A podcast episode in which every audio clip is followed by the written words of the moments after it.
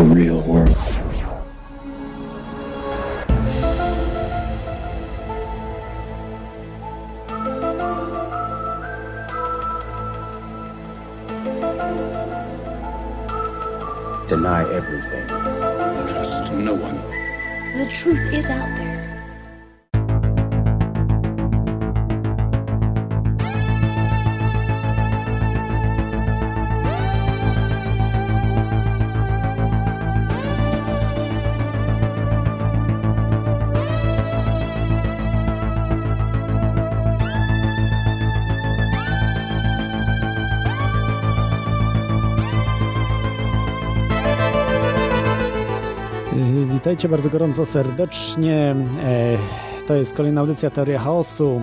E, W każdy piątek po północy w Radiu Kontestacji, Kontestacja na żywo. Dzisiaj temat reptilianie, e, starożytność. No, były pewne problemy, ale już jest wspaniale i reptilianie nam nie przeszkodzą w tym odcinku. Nie straszni nam, tak, bo, tak bym powiedział. E, Dobrze, M- możecie dzwonić e, na, e, pod telefon 222 195 e, 321 albo skype kontestacja.com, ale zanim będziecie mogli to uczynić, to y, wejdźcie na czata, to jest na stronie kontestacja.com jest czat, link do czata i możecie sobie porozmawiać właśnie na, w tym temacie, a także w różnych innych które Was nurtują. Oczywiście, Teoria Chaosu jest to e, program, który dotyczy e, spisków i zjawisk niewyjaśnionych. A y, jako, że e, nie mam jeszcze połączenia z gościem, jak się pewnie domyślacie, jest to e, Krzysztof Rogala, e, który jest no, największym specem w temacie reptilian w Polsce. No, chyba, że znacie kogoś o większej wiedzy, ale nie sądzę. E, I będziemy dzisiaj rozmawiali o starożytności, starożytnych przekazach, Biblii i wszystkim, co y, Was interesuje, jeśli chodzi o historię reptilian i historię właśnie y, połączenia czy związku reptilian z cywilizacją e, ludzką. Tutaj e, na wstępie e, generalnie nic się nie wydarzyło w ostatnim czasie, oprócz tam trzęsienia ziemi, e, które, które pewnie niektó- niektórzy z Was słyszeli, że w, ewakuowano nawet Pentagon, e, czyli w Waszyngtonie, w Nowym Jorku było jakieś dziwne trzęsienie ziemi. Teraz jakieś dziwne rzeczy wydarzają się w Stanach, mają być e, jakieś tajfuny, nie tajfuny, huragany i tak dalej, i tak dalej. No, o sam Obama nawet powiedział, że mają to być największe, y, no jedne z największych w ostatnich latach jakichś kataklizmów, które mają Stany y, dotknąć. Oczywiście to jest wszystko po to robione. Być może używają tajnej technologii, żeby wytwarzać różne y, nietypowe zjawiska atmosferyczne i zjawiska na Ziemi, aby przyćmić całą sprawę no, kłopotów finansowych. Może mm, posłuchajcie e, pierwszego utworu, ja się połączę wtedy z gościem, a e, mm, także jak mówiłem, wejdźcie na czata i dzisiaj myślę, że już nam nic nie przeszkodzi żaden e, reptilianin. Dobrze, e, posłuchajcie może utworu właśnie w takim e, klimacie e, bardzo e, spokojny i e, mógłbym powiedzieć no, nie, nie new age'owy, ale taki właśnie e, wo- world music, czyli muzyka świata, prawda, takich e, lokalnych. Posłuchajcie, e, proszę.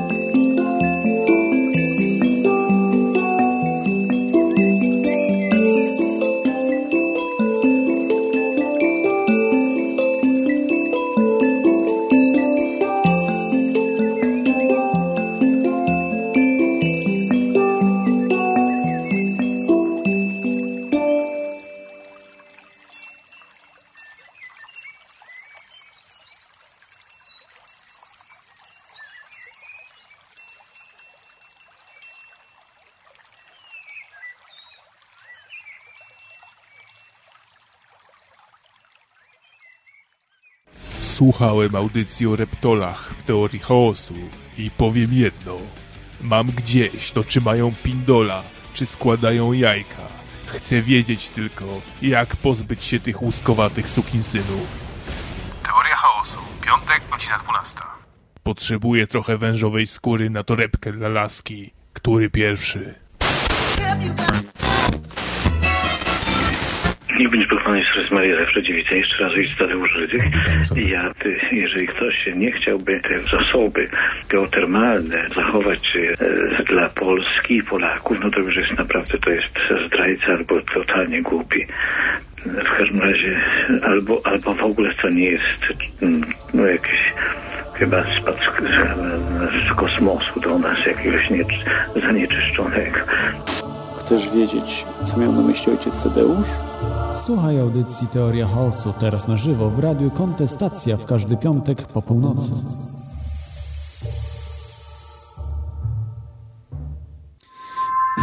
Jesteśmy, jesteśmy z powrotem, e, także słyszeliście jeden stary dżingiel, a drugi to nowy dżingiel, oczywiście e, Krawca, jak zwykle bardzo mm, jest to e, znana osoba, znany kontestator E, osoba, która tworzy jingle, jest bardzo e, kreatywna. Od razu z tego miejsca tu bardzo dziękuję za te jingle.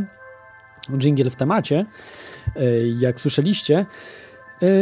Dobrze, mamy gościa na antenie w tym momencie, także nie będę już mm, przedłużał. Halo, halo, witaj, witaj Krzysztofie, jesteś z nami? Tak, witam cię serdecznie. O, y, witam bardzo ciebie serdecznie. Y, z nami jest y, Krzysztof Rogala, twórca y, y, portalu, twórca, no, współtwórca i y, główny administrator portalu davidike.pl davidike.pl tak. Czy chciałbyś jeszcze przedstawić się, bo nie wszyscy po prostu zapewne znają Ciebie. Większość słuchaczy już tak, ale chciałbyś może dodać coś jeszcze tak o sobie. No, Zajmuję się popularyzacją tematyki Davida Aika dotyczącą alternatywnej historii naszej ludzkiej cywilizacji. Y, no, to się wiąże no, nie tylko tutaj z tłumaczeniem masy filmów, y, które udostępniliśmy za darmo, ale popularyzacją całej tematyki. No, na, naszej, na naszej stronie y, możemy się dowiedzieć wszystkiego o alternatywnej historii naszej Ziemi, odkrycia różnych autorów, które przedstawiają nowe oblicze naszej cywilizacji, rzeczywistości, w której żyjemy. Yy, ostatnio tutaj yy, nasi forumowi koledzy, fantastyczni ludzie udostępnili na przykład darmową książkę Kroniki Ziemi Roberta Morningskaja, także serdeczne też podziękowania tutaj dla Radosława i Konserwy za, za tłumaczenie, także no, to jest tego typu, typu praca, oprócz masy oczywiście filmów. Mhm. Ja tu tylko tak dodam, że nie chodzi oczywiście o konserwę z e, radiokontestacja z audycji, tylko nie, nie. o... Tak. Uczes, uczestnika forum, prawda? To jest. E, tak, tak, tak, tak. tak, tak, tak. E, dobrze. Ja tutaj mam na wstępie, żeby troszeczkę tak rozbawić słuchaczy, bo pewnie są troszkę za pewne opóźnienia tutaj, które wyniknęły z pewnej złośliwości reptilian, oczywiście, y, kawał chciałem powiedzieć i do ciebie też, y, mhm. Krzysztofie, czy po prostu y, no, będziesz mógł odpowiedzieć. To jest tak, jakiego komunikatora używają reptilianie? Znasz odpowiedź na to? Skype. No, tak nie do końca. Gadu, gadu do czata, a Skype'a do kontestacji, znaczy do konwersacji. Konferencji, przepraszam, do, do, do, konferencji. Dobrze, to może tyle, tyle to, to był chyba, jak ktoś mówi, suchar, ale niech będzie. Myślę, że i tak lepszy niż w Familiadzie z reguły Strasburger, który opowiada e, kawały. E, tak. Dobrze, to może, żeby już nie przedłużać, to przejdźmy do e, tematu, którym jest reptilianie, mity i fakty ze starożytności i ogólnie z historii. To może y, zaczniemy od właśnie tej historii. O, y, czy mógłbyś opowiedzieć? Może zaczniemy od Sumerów i Babilonu, y, Babilonu Anunnaki.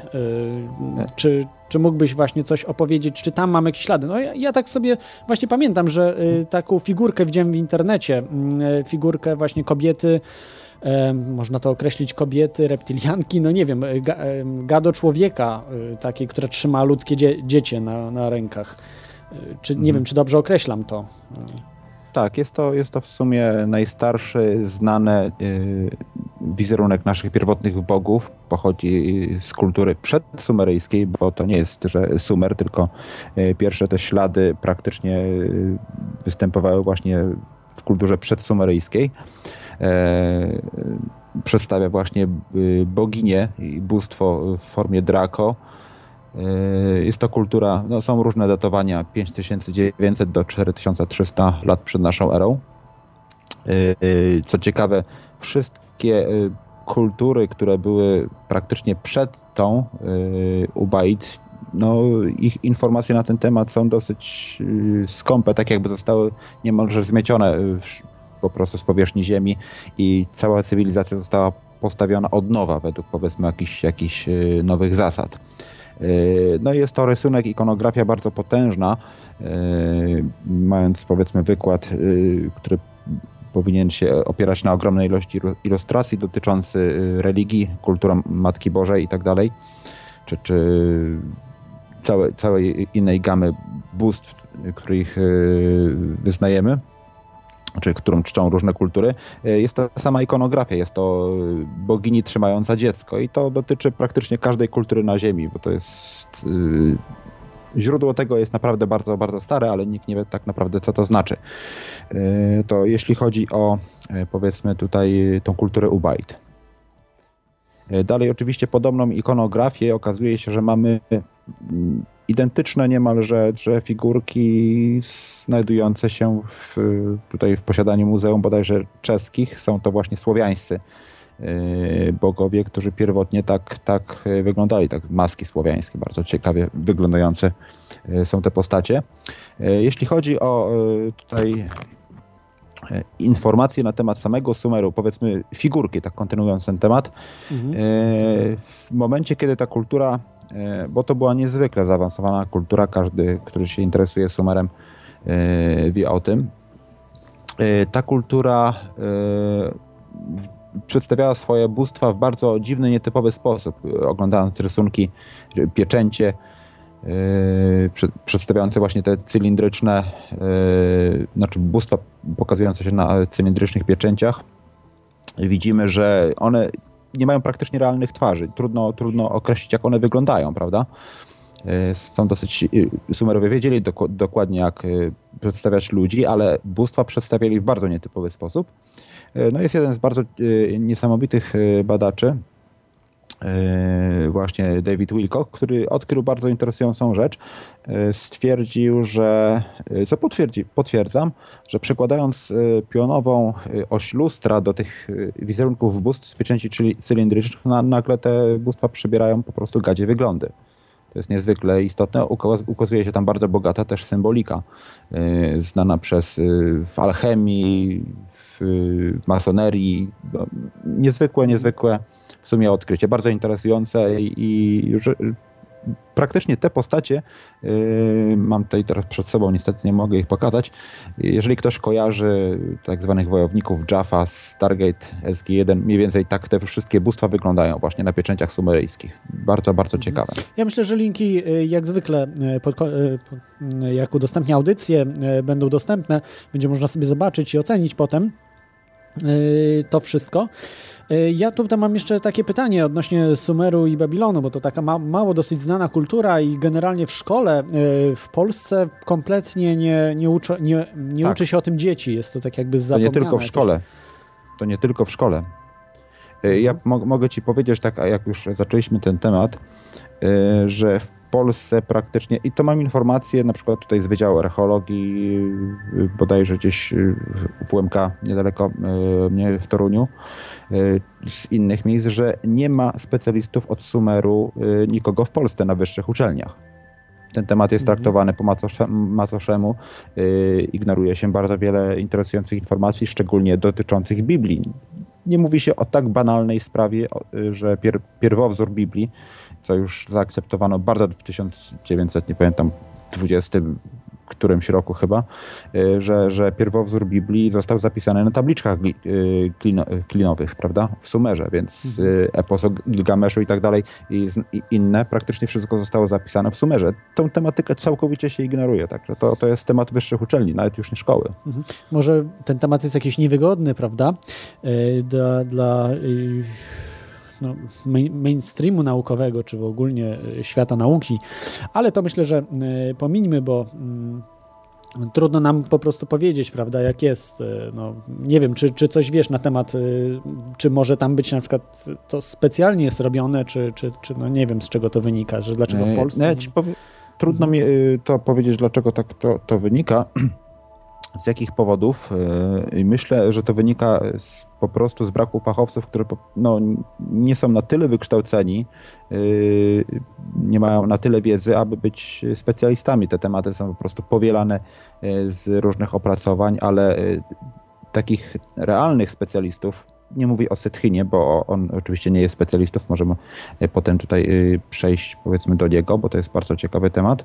E, jest uznany właśnie przez całe środowisko alternatywne jako jedyny specjalista w tej dziedzinie, a prawdziwych specjalistów się po prostu no, pomija, którzy są, są niesamowici. I tak ja może zrobię tutaj coś innego, żeby tutaj powiedzmy unaocznić też, też słuchaczom, do jakiego stopnia w całej, w całej kulturze starożytnej y, jest to wszystko ze sobą powiązane.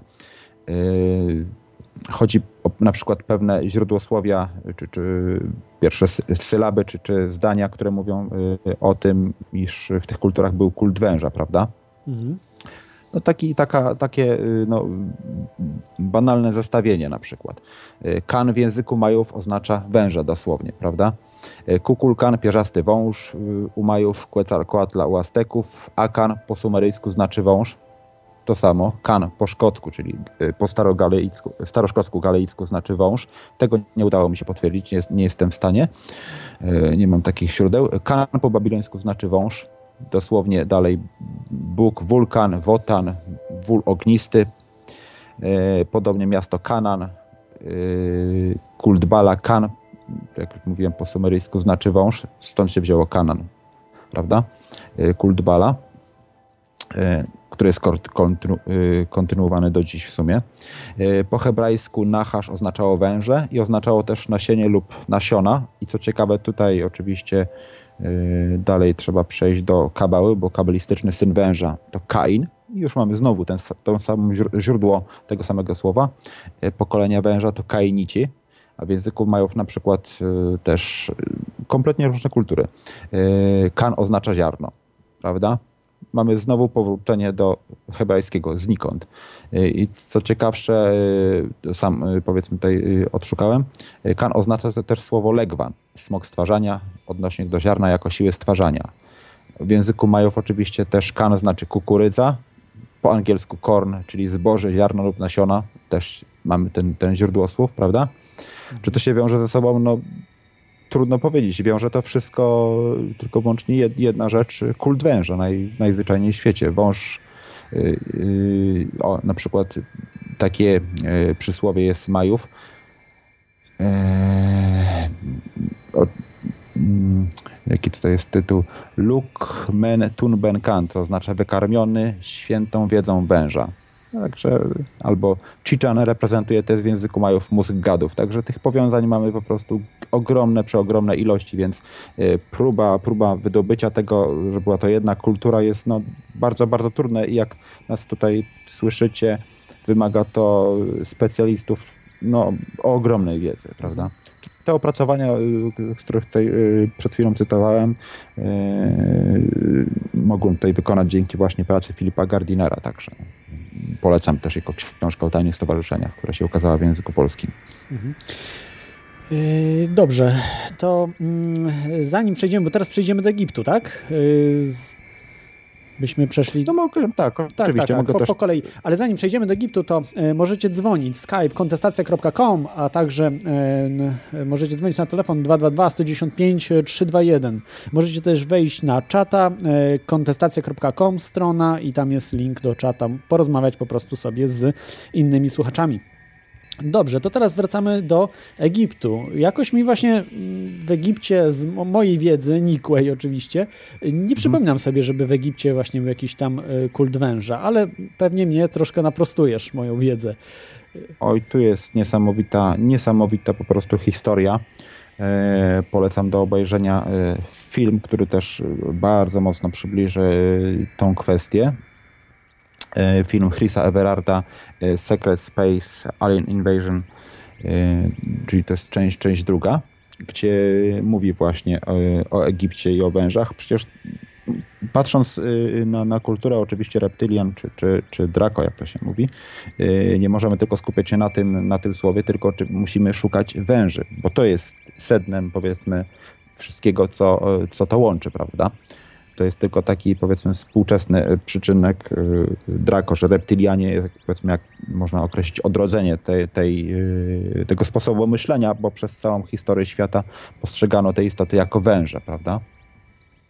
Jeśli chodzi o Egipt, Chris Everard przedstawia mm, genialny rysunek w ogóle na świątyniach nie tylko Denery czy innych na, na suficie są przedstawione właśnie obce bóstwa, bardzo ciekawie wyglądające. E, niektóre rysunki egipskie przedstawiają e, inne, innych, e, inne istoty, które współpracowały oczywiście z Draco, czyli tak zwanych szaraków, te wielkogłowe istoty. Mam tutaj na myśli pewien gatunek, można powiedzieć, inteligencji rojnej, takich tak zwanych biorobotów, niekoniecznie realnych istot. Y, ale żeby y, zrozumieć y, tą ikonografię Egiptu, trzeba cofnąć się troszeczkę, powiedzmy, wcześniej i przyjrzeć się czemuś naprawdę niesamowitemu, bo Nag Hammadi, prawda?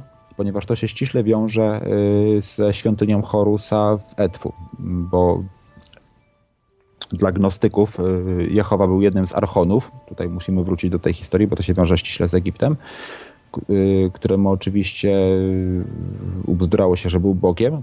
Przedstawiali go jako gada z głową lwa. To jest bardzo powszechny symbol właśnie egipski. Mamy uskrzydlonego faraon, głowę faraona ludzką, ciało węża, prawda? I do tego jeszcze skrzydła. I ten rysunek, oczywiście tak zwany wężowy lew, występował w, całej, w całym kulcie bogini Hator, reprezentował królewskie nasienie faraonów. I jest to po prostu nic innego jak tylko y, symbol Jahwe. Dokładnie ten rysunek. I wiąże się to się powiedzmy znak Hamadi, gdzie z tymi zwojami, gdzie można przeczytać o tym o, no niesamowitej ilości informacji, więc to, co znalazło się w Egipcie, pochodzi właśnie z tamtych powiedzmy rejonów. E, jeśli chodzi o ścisłe wizerunki e, bardzo niesamowitych istot, które rzeczywiście kiedyś w naszej historii pojawiły się w Egipcie i co ciekawe, to jest informacja naprawdę tak, tak dla mnie niesamowita, e, że tutaj drążę ten wątek. Znalazłem kolejne, kolejne ciekawe rysunki. Postaram się je tutaj przedstawić. Mówiłem o nich tutaj na wykładach na, na w czasach z UFO. Przed, coś się zdarzyło w Abydos. Yy, trudno. Temat jest praktycznie tak jak film science fiction, o czym też mogę opowiedzieć. Yy, najprawdopodobniej w Abydos są swego rodzaju wrota. W starożytnych czasach w Egipcie przeszły jakieś dziwne istoty. Zostały one utrwalone na, na niektórych znaleziskach archeologicznych postaci, powiedzmy tutaj naczyń czy, czy innych ozdób i przedstawiają niezwykłe istoty. My zrobiliśmy rekonstrukcję tych istot, opierając się właśnie na, na wizerunkach tych, tych stworzeń, które wtedy przyszły. Kiedy te stworzenia ukazały się ludziom, no, zaczęły przez 6 mm, miesięcy bodajże siać spustoszenie, ranić ludzi, no, pojawił się mm, ogień, dym i tak dalej, i tak dalej. Są powiedzmy dosyć ciekawe opisy tego typu istot. E, z, naszych, e, z naszej rekonstrukcji wynika, że one praktycznie były podobne do tego, o czym mówi Alex Collier, do opisu właśnie Alexa Colliera. Nie wiem, czy kojarzycie takiego słynnego e, kontaktowca, można powiedzieć, który kontaktował się z Andromedanami, to jest właśnie Alex Collier, który opisywał te istoty, że mają na przykład 4 metry wzrostu, tam wysokie ogony, powiedzmy wyglądające jak ogony skorpionów. No, niesamowicie. Przypominają właśnie te, te figurki z Obaj, tylko są mniej więcej no, takie dwukrotnie wyższe od człowieka. I, Przepraszam, i takie, tak? Tak? Przerwę ci, to są z channelingów, tak? Alex Collier z channelingów bierze Tak, tak znaczy nie z channelingów. Alex Collier nie jest channelingowcem, tylko kontaktowcem. Powiedzmy kontakt bezpośredni. Nie to jest drobna różnica. Mhm. A tylko tak abstrahując, ponieważ do, do tych rekonstrukcji, które przedstawiały te dziwne istoty, ponieważ tak. wykorzystaliśmy to jest powiedzmy wizja artystyczna, można powiedzieć. Ten rysunek, który stworzyliśmy jest mniej więcej pół na pół. Jak to, jak to ja śmiesznie mówię, jest skolieryzowany troszkę. Ale te istoty, które przez, przeszły przez Gwiezdne Wrota w Abydos, no wyglądają niesamowicie. Trzymają różne przedmioty w rękach, mają rogi na głowach, dziwne przedmioty, broń swego rodzaju przypominającą słynne E, jest taki e, specyficzny trójząb znany w kulturze tybetańskiej, prawda? E, taki potrójny nóż. Coś w tym stylu, tylko to gdzieś według tych proporcji może mieć około dwóch metrów. To mi się w tym momencie kojarzy ze stafami wojowników Jaffa, no ale tak to jest tutaj mówię tylko moje różne skojarzenie jako wielbiciela fantastyki. Skąd to się, jakie są przyczynki, że to mogło być realne? Co się zdarzyło wtedy, co zostało utrwalone rzeczywiście. Jest niezwykłe.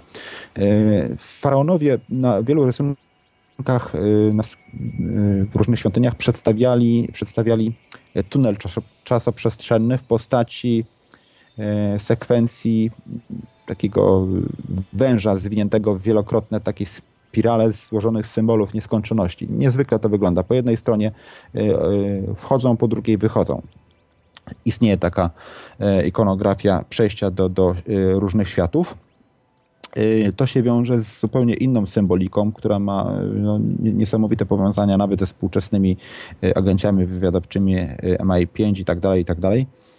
E, że dotyczyły one teorii, że same piramidy są swego rodzaju po prostu gwiezdnymi wrotami. Konkretnie chodzi o, o pewną geometryczną sekwencję e, piramidionu, czyli tego zwieńczenia piramidy, prawda?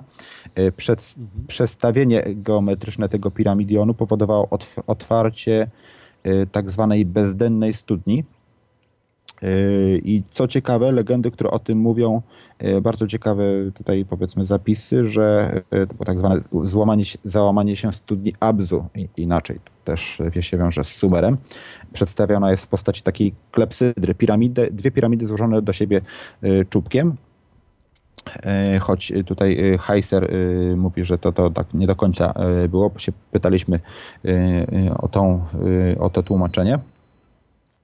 E, ale y, fakt faktem jest, że y, opis dotyczył, y, że przejście do świata tych, tych bóstw mm, obejmowało siedem światów. Trzeba było przejść przez siedem takich bram, żeby dostać się do rzeczywistości. No, to skojarzenie dla wszystkich jest oczywiste, prawda? Siedem bram piekieł i tak dalej. Także jest to niezwykle potężna ikonografia. Y, ale to moglibyśmy oczywiście całkowicie pominąć tą tematykę i stwierdzić, że no sobie coś tam powiedzmy rysowali. Y, takie wrota oczywiście nie mogą istnieć mm, bo jest to oczywiście tylko wyłącznie film fantastyczny, y, ale nie wiem, czy pamiętacie, kojarzę taki rosyjski film odtajniony przez, tutaj był, było mm, wiele lat temu, to był 95 rok, nie pamiętam dokładnie, szukam tego filmu, on był pokazany tylko w telewizji bodajże naszej e, regionalnej tak zwanej, czyli e, TVP3 e, wtedy. Pokazywał historię pewnej kobiety, dorosłej już córki, która szukała ojca. On był rosyjskim naukowcem w Egipcie. Film był oczywiście dokumentalny taki w bardzo ciekawym stylu nakręcony, bardzo, bardzo fajnie to się to oglądało, taki, taki dokument. E, ta dziewczyna e, szukała oczywiście śladów po zaginionym ojcu i okazało się, że nie dotyczyło to e, tylko jego ojca, ale dotyczyło całej grupy 20 bodajże naukowców, którzy swego, rodzaju, swego czasu po prostu zniknęli z powierzchni Ziemi. Okazało się, że tak jak pamiętam z tego filmu, bo mówię, musiałbym odświeżyć pamięć, ale wszystkie, wszystkie informacje o tym filmie zaginęły, nie potrafię go odszukać już. E, może pewne osoby pamiętają o tym, to bym prosił właśnie o kontakt. Mhm. Jak słuchacze tutaj pamiętacie ten film, bo ja tak. też nie kojarzę zupełnie go, to, to dajcie znać po prostu mailem, czy skontaktujcie się tak. z Krzysztofem lub ze mną także. I wyjaśnię dalej, powiedzmy, co było, to może, może niektórzy skojarzą ten materiał. Tak, tak jako ciekawostkę oczywiście mówię, abstrahując o, o Gwiezdnych Wrotach. W tym filmie ci naukowcy wprowadzili e, tłumaczenia pewnych tekstów, odkryli, że e, pewne e, jakieś teksty w świątyniach mówią o gwiezdnych wrotach, które otwierały się co ileś lat do świata właśnie tych istot, które to były tak powiedzmy sekwencja automatyczna, prawda? To, to otwierały niejako automat, więc problemem było tylko wyliczyć datę. Wyliczyli datę, wszyscy naukowcy pojechali w to miejsce autobusem, Zabrali ze sobą kamerę, no wtedy akurat y, kamery VHS były na te duże kasety, jeśli ktoś pamięta. Y, ustawili taką kamerę, y, czy ktoś zostawił, czy filmował, ponieważ kiedy KGB czy, czy rosyjski wywiad przyjechał na miejsce, zastał tylko autobus na pustyni i nie było nic, prawda? Wszystkie rzeczy były zostawione w tym autobusie. Została właśnie tylko ta kamera, którą przeanalizowano i cały film dotyczy właśnie y, taśmy, która została znaleziona w tym autobusie. Y, tam właśnie ta córka rozpoznała swojego, swoich rodziców, bo chyba rodziców szukała, teraz sobie już przypomniałem. Na tym, na monitorze właśnie pokazywali. No i pokazywali całą grupę, zebrali się, skupili się w jednym miejscu. Nagle co było widać po twarzach, patrzyli się w górę, jakieś jasne światło na nich spłynęło no i potem taśma praktycznie, y, czy się, trudno mi określić, czy się spaliła, czy, czy się zatrzymała. Y, I tylko było widać właśnie dwie sekwencje takie szybkie, kolorowe. Y, no i to było koniec, ale specjaliści, którzy przeanalizowali ten film, byli po prostu bezgranicznie zdumieni. Stwierdzili, że nie ma absolutnie możliwości żadnej, y, aby ta taśma została sfałszowana, ponieważ y, zarejestrowała bardzo nietypowe zjawisko, y, ponieważ światło, które do nich przybywało które potem oddaliło się, najpierw było przesunięte, było widać wyraźnie widmo przesunięcia ku czerwieni w jednym kierunku, a kiedy się oddalało widmo przesunięcia ku fioletowi. Więc to oznacza, że to coś było szybsze niż światło, a taki efekt specjalny zrobić w tym stylu nie było po prostu możliwe. Także e, po prostu ta taśma zarejestrowała yy, niewiarygodny efekt. To, to było sedno właśnie tego, tego filmu. Także to, to tak abstrahując odnośnie tych wrót i Egiptu, że coś takiego mogło, mogło funkcjonować. Y, dobrze, to proponuję tutaj y, zakończyć już Egipt i przejść mhm. może do y, Biblii judaizmu. Właśnie, czy tam są jakieś te ślady reptilian? No, tutaj ilość śladów jest no, po prostu przeogromna, tylko tak jak mówiłem, próba powiedzmy identyfikacji tych śladów y, wymaga no, przeogromnej wiedzy. To nie jest tak, że y, ktoś sobie otwiera Biblię, prawda? I, i, nagle będzie wszystko widział o pewnych, pewnych istotach. Tutaj mm, wkracza właśnie naukowiec, który zna się doskonale na tych sprawach, dr Mike Heiser, ponieważ żeby przetłumaczyć prawidłowo te Biblię, opisy tych istot, yy, które są tam przedstawione, czyli, czyli Anunnaki, Neflim i tak dalej, yy, które dotyczą właśnie yy, podobnych znaczeniowo, można powiedzieć, obcych istot. Też trzeba ująć, właśnie przejdę do, do sprawy też jeszcze swój znak Hamadi ponieważ to się wszystko ze sobą prawda wiąże. Ja może powiem o pewnej nietypowej rzeczy dotyczącej właśnie zwoju Nag ponieważ te rzeczy, które są opisane w tych zwojach, które przeszły do Egiptu, prawda, do Etwu, do, do różnych kultów, też oczywiście przeszły do Biblii. I nie wiem, czy, czy znacie może taką, taką legendę dotyczących właśnie archonów, które mówią bardzo ciekawej przypowieści dotyczącej właśnie stworzenia człowieka, prawda, Adama i Ewy.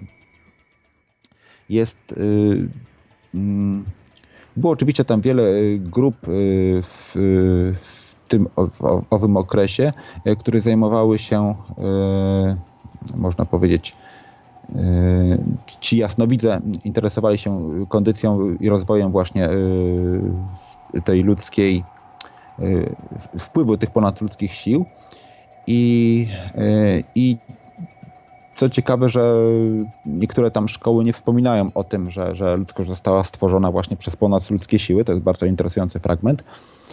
Kilka fragmentów z Wojów Znak Hamadi mówi, że może przeczytam tutaj właśnie tak, takie tłumaczenie.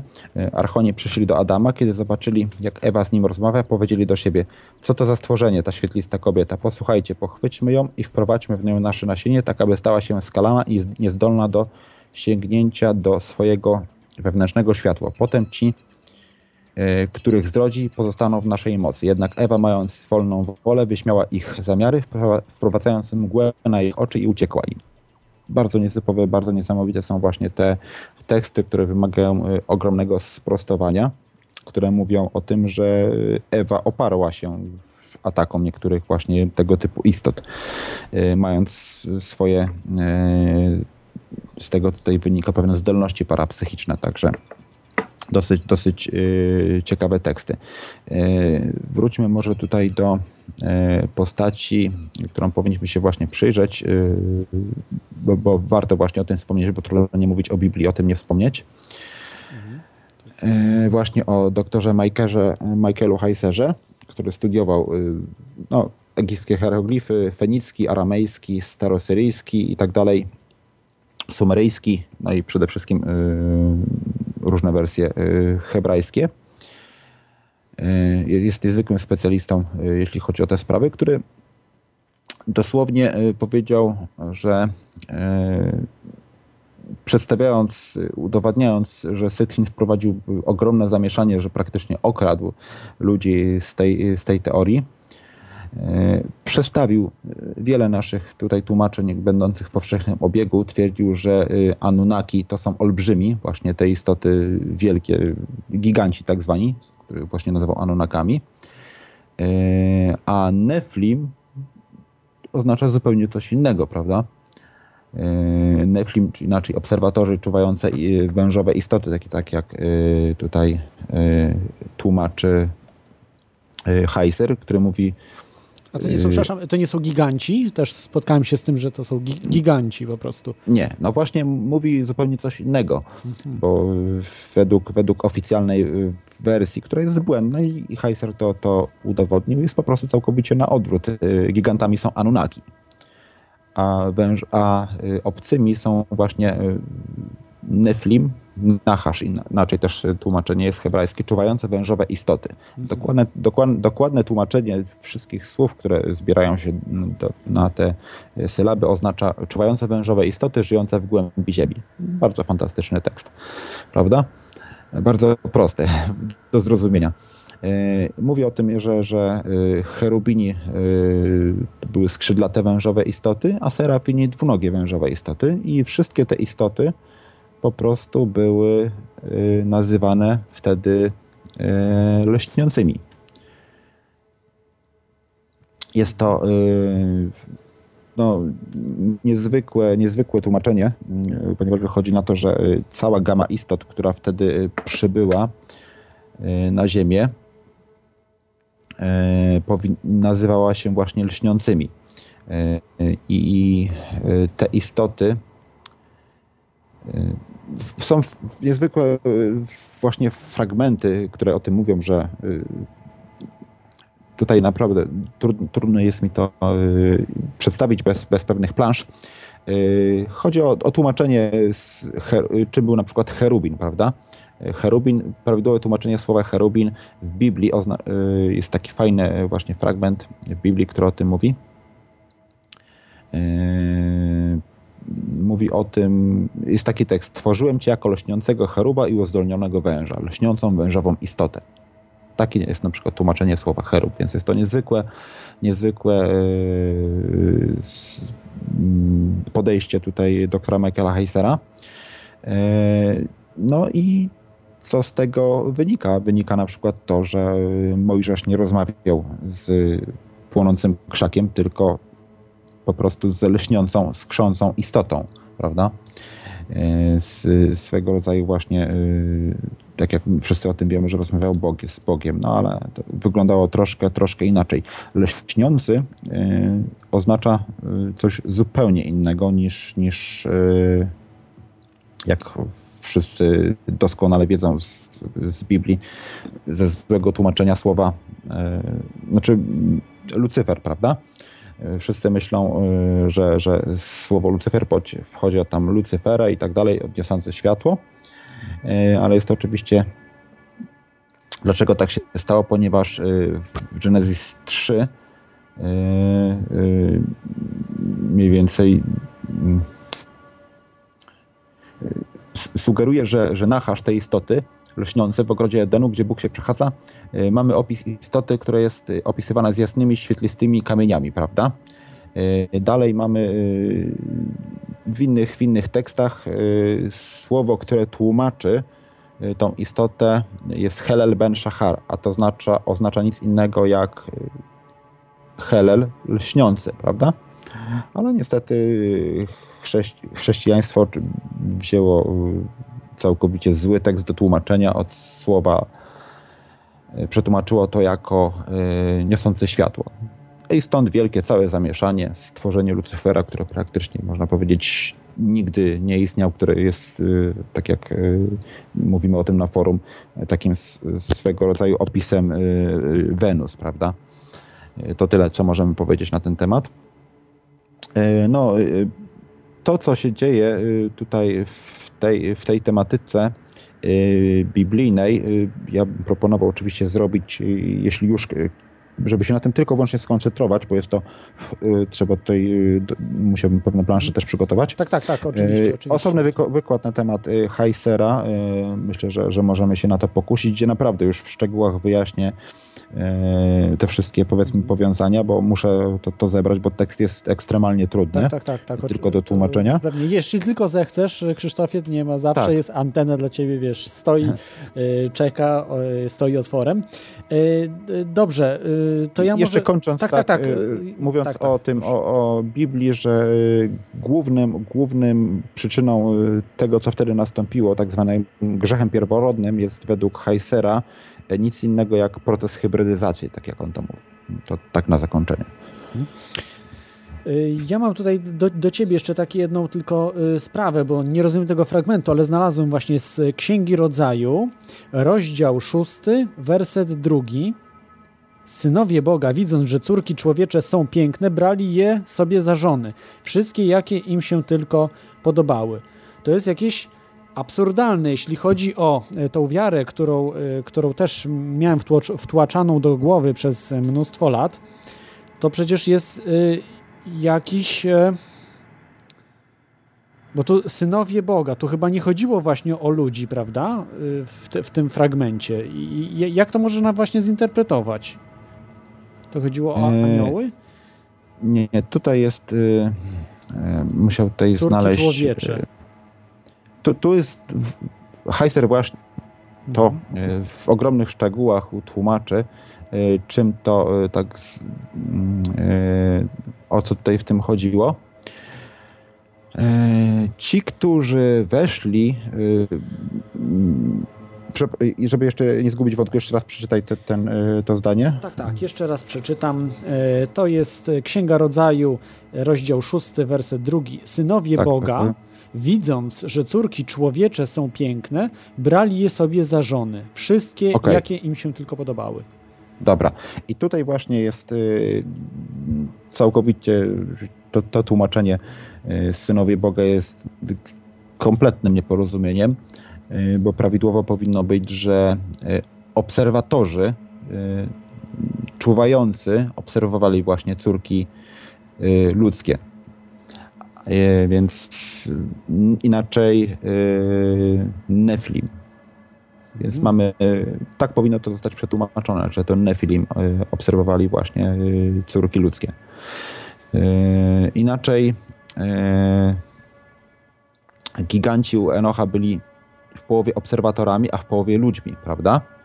Więc skoro z tego związku Neflim i, i ludzkich kobiet stworzy, zostali stworzeni y, giganci, co Henoch opisuje, byli oni w połowie obserwatorami, a w połowie ludźmi. I, I oni są właśnie y, jak to można powiedzieć, Enoch, Enoch widział ich jako złych, prawda? Jak ojciec, taki syn. Więc y, Enoch zauważył, że z tego związku powstały, y, jak on można powiedzieć, y, są źli, jak, takich opisuje dosłownie, są źli jak obserwatorzy i byli tacy od urodzenia, prawda? Mhm. I według obydwu y, Enocha i Genesis y, Bóg ukarał y, ich, ich, ich y, potopem, E, kiedy gigant, czyli to, co się urodziło z tego związku, tak, bo powstali wtedy giganci, tak? Tak. E, e, Zostali zabici, kiedy został zabity, tylko jedna jego ludzka połowa umierała, a druga żyła jako obserwator, prawda? Jako czuwający, swego rodzaju właśnie demoniczna e, istota. I ta rzecz, ta istota stała się znana jako zły duch albo szedem, jak to się mówi. Jest to żydowskie wytłumaczenie tego, skąd się wzięły demony. Demon jest pozbawionym ciała obserwatorem, bezcielesną postacią martwego Neflim, martwego giganta. Tak można to wytłumaczyć e, w najprostszy e, sposób. I dlatego Neflim są zawsze związani z, y, y, z Shią albo światem podziemi. Nie ma ich y, w całej y, powiedzmy żydowskiej literaturze tekstów, które, które y, by ich, by ich y, zrównywały, y, te, te dwa typy istot. Mhm. Tak jak tutaj zostało zrobione właśnie y, w tym tłumaczeniu Biblii. Więc jest to problem naprawdę ogromny, ogromny, bardzo trudny, które mówią, y, że ze związku y, właśnie Neflim czuwających wężowych istot, które jak wcześniej znamy to prawidłowe tłumaczenie, żyły w głębi ziemi, prawda? Mhm. Obserwatorze inaczej. Y, Z tego związku powstali, tak zamykając tą sprawę, giganci, zabijając takiego giganta, który był powiedzmy no, w połowie człowiekiem, w połowie obcym, y, u- uwalniał się, jak to się mówi, demon. No, tak jest według, według tradycji żydowskiej. Więc tłumaczenie tego tekstu, który przeczytałeś, jest dosyć niewidne, ale w konotacji, którą tutaj przedstawiłem, bo, bo ten fragment akurat tutaj sobie wybrałem do wykładu, stawia to wszystko w zupełnie innym świetle, prawda? Mhm. Tak, oczywiście. Teraz to się e, staje to jasne. Ale tak jak już mówiłeś, do, do Biblii jeszcze mm, będzie specjalny odcinek, bo to jest bardzo szeroki, tak. e, szeroki temat. E, A ja tylko przypomnę Wam, że możecie dzwonić skype kontestacja.com e, lub e, na, na, na telefon 222 195 321. Jest to audycja o reptilianach, mity i fakty ze starożytności z Krzysztofem Rogalą. To teraz byśmy może przeszli do Ameryki Południowej. Tak, tak. Y, Właśnie No, o tym, tak, o, o, o, o tych wierzeniach Azteków czy, czy, czy Majów, prawda? Tam tego węża było dużo. No, każdy, kto tam oglądał, widział, prawda, że, że te- węże, aż tam się roiło od węży po prostu. Oj tak, to jest niesamowita sprawa też y, w, wczo- y, w, w ostatniej audycji te- też o tym trochę mówiłem. Wróćmy może troszkę do, do wcześniejszego okresu, mówiąc, nie skupiając się powiedzmy na samych Majach. Y, Generalnie w całej Ameryce Południowej jest, jest mnóstwo informacji bar- bardzo ciekawych na ten temat. E, Trzeba tutaj w- zająć się starszyznami plemiennymi, starszyznami szamanów i praktycznie pojawia się tam ciągle jeden motyw. Wszystkie te starszyzny mówią o istotach z, z gwiazd, zwanych jako Bhakti, zwanych Bhakti, które najecha- najechały Ziemię zanim istniały dinozaury, po prostu zanim powstało cokolwiek y, na Ziemi.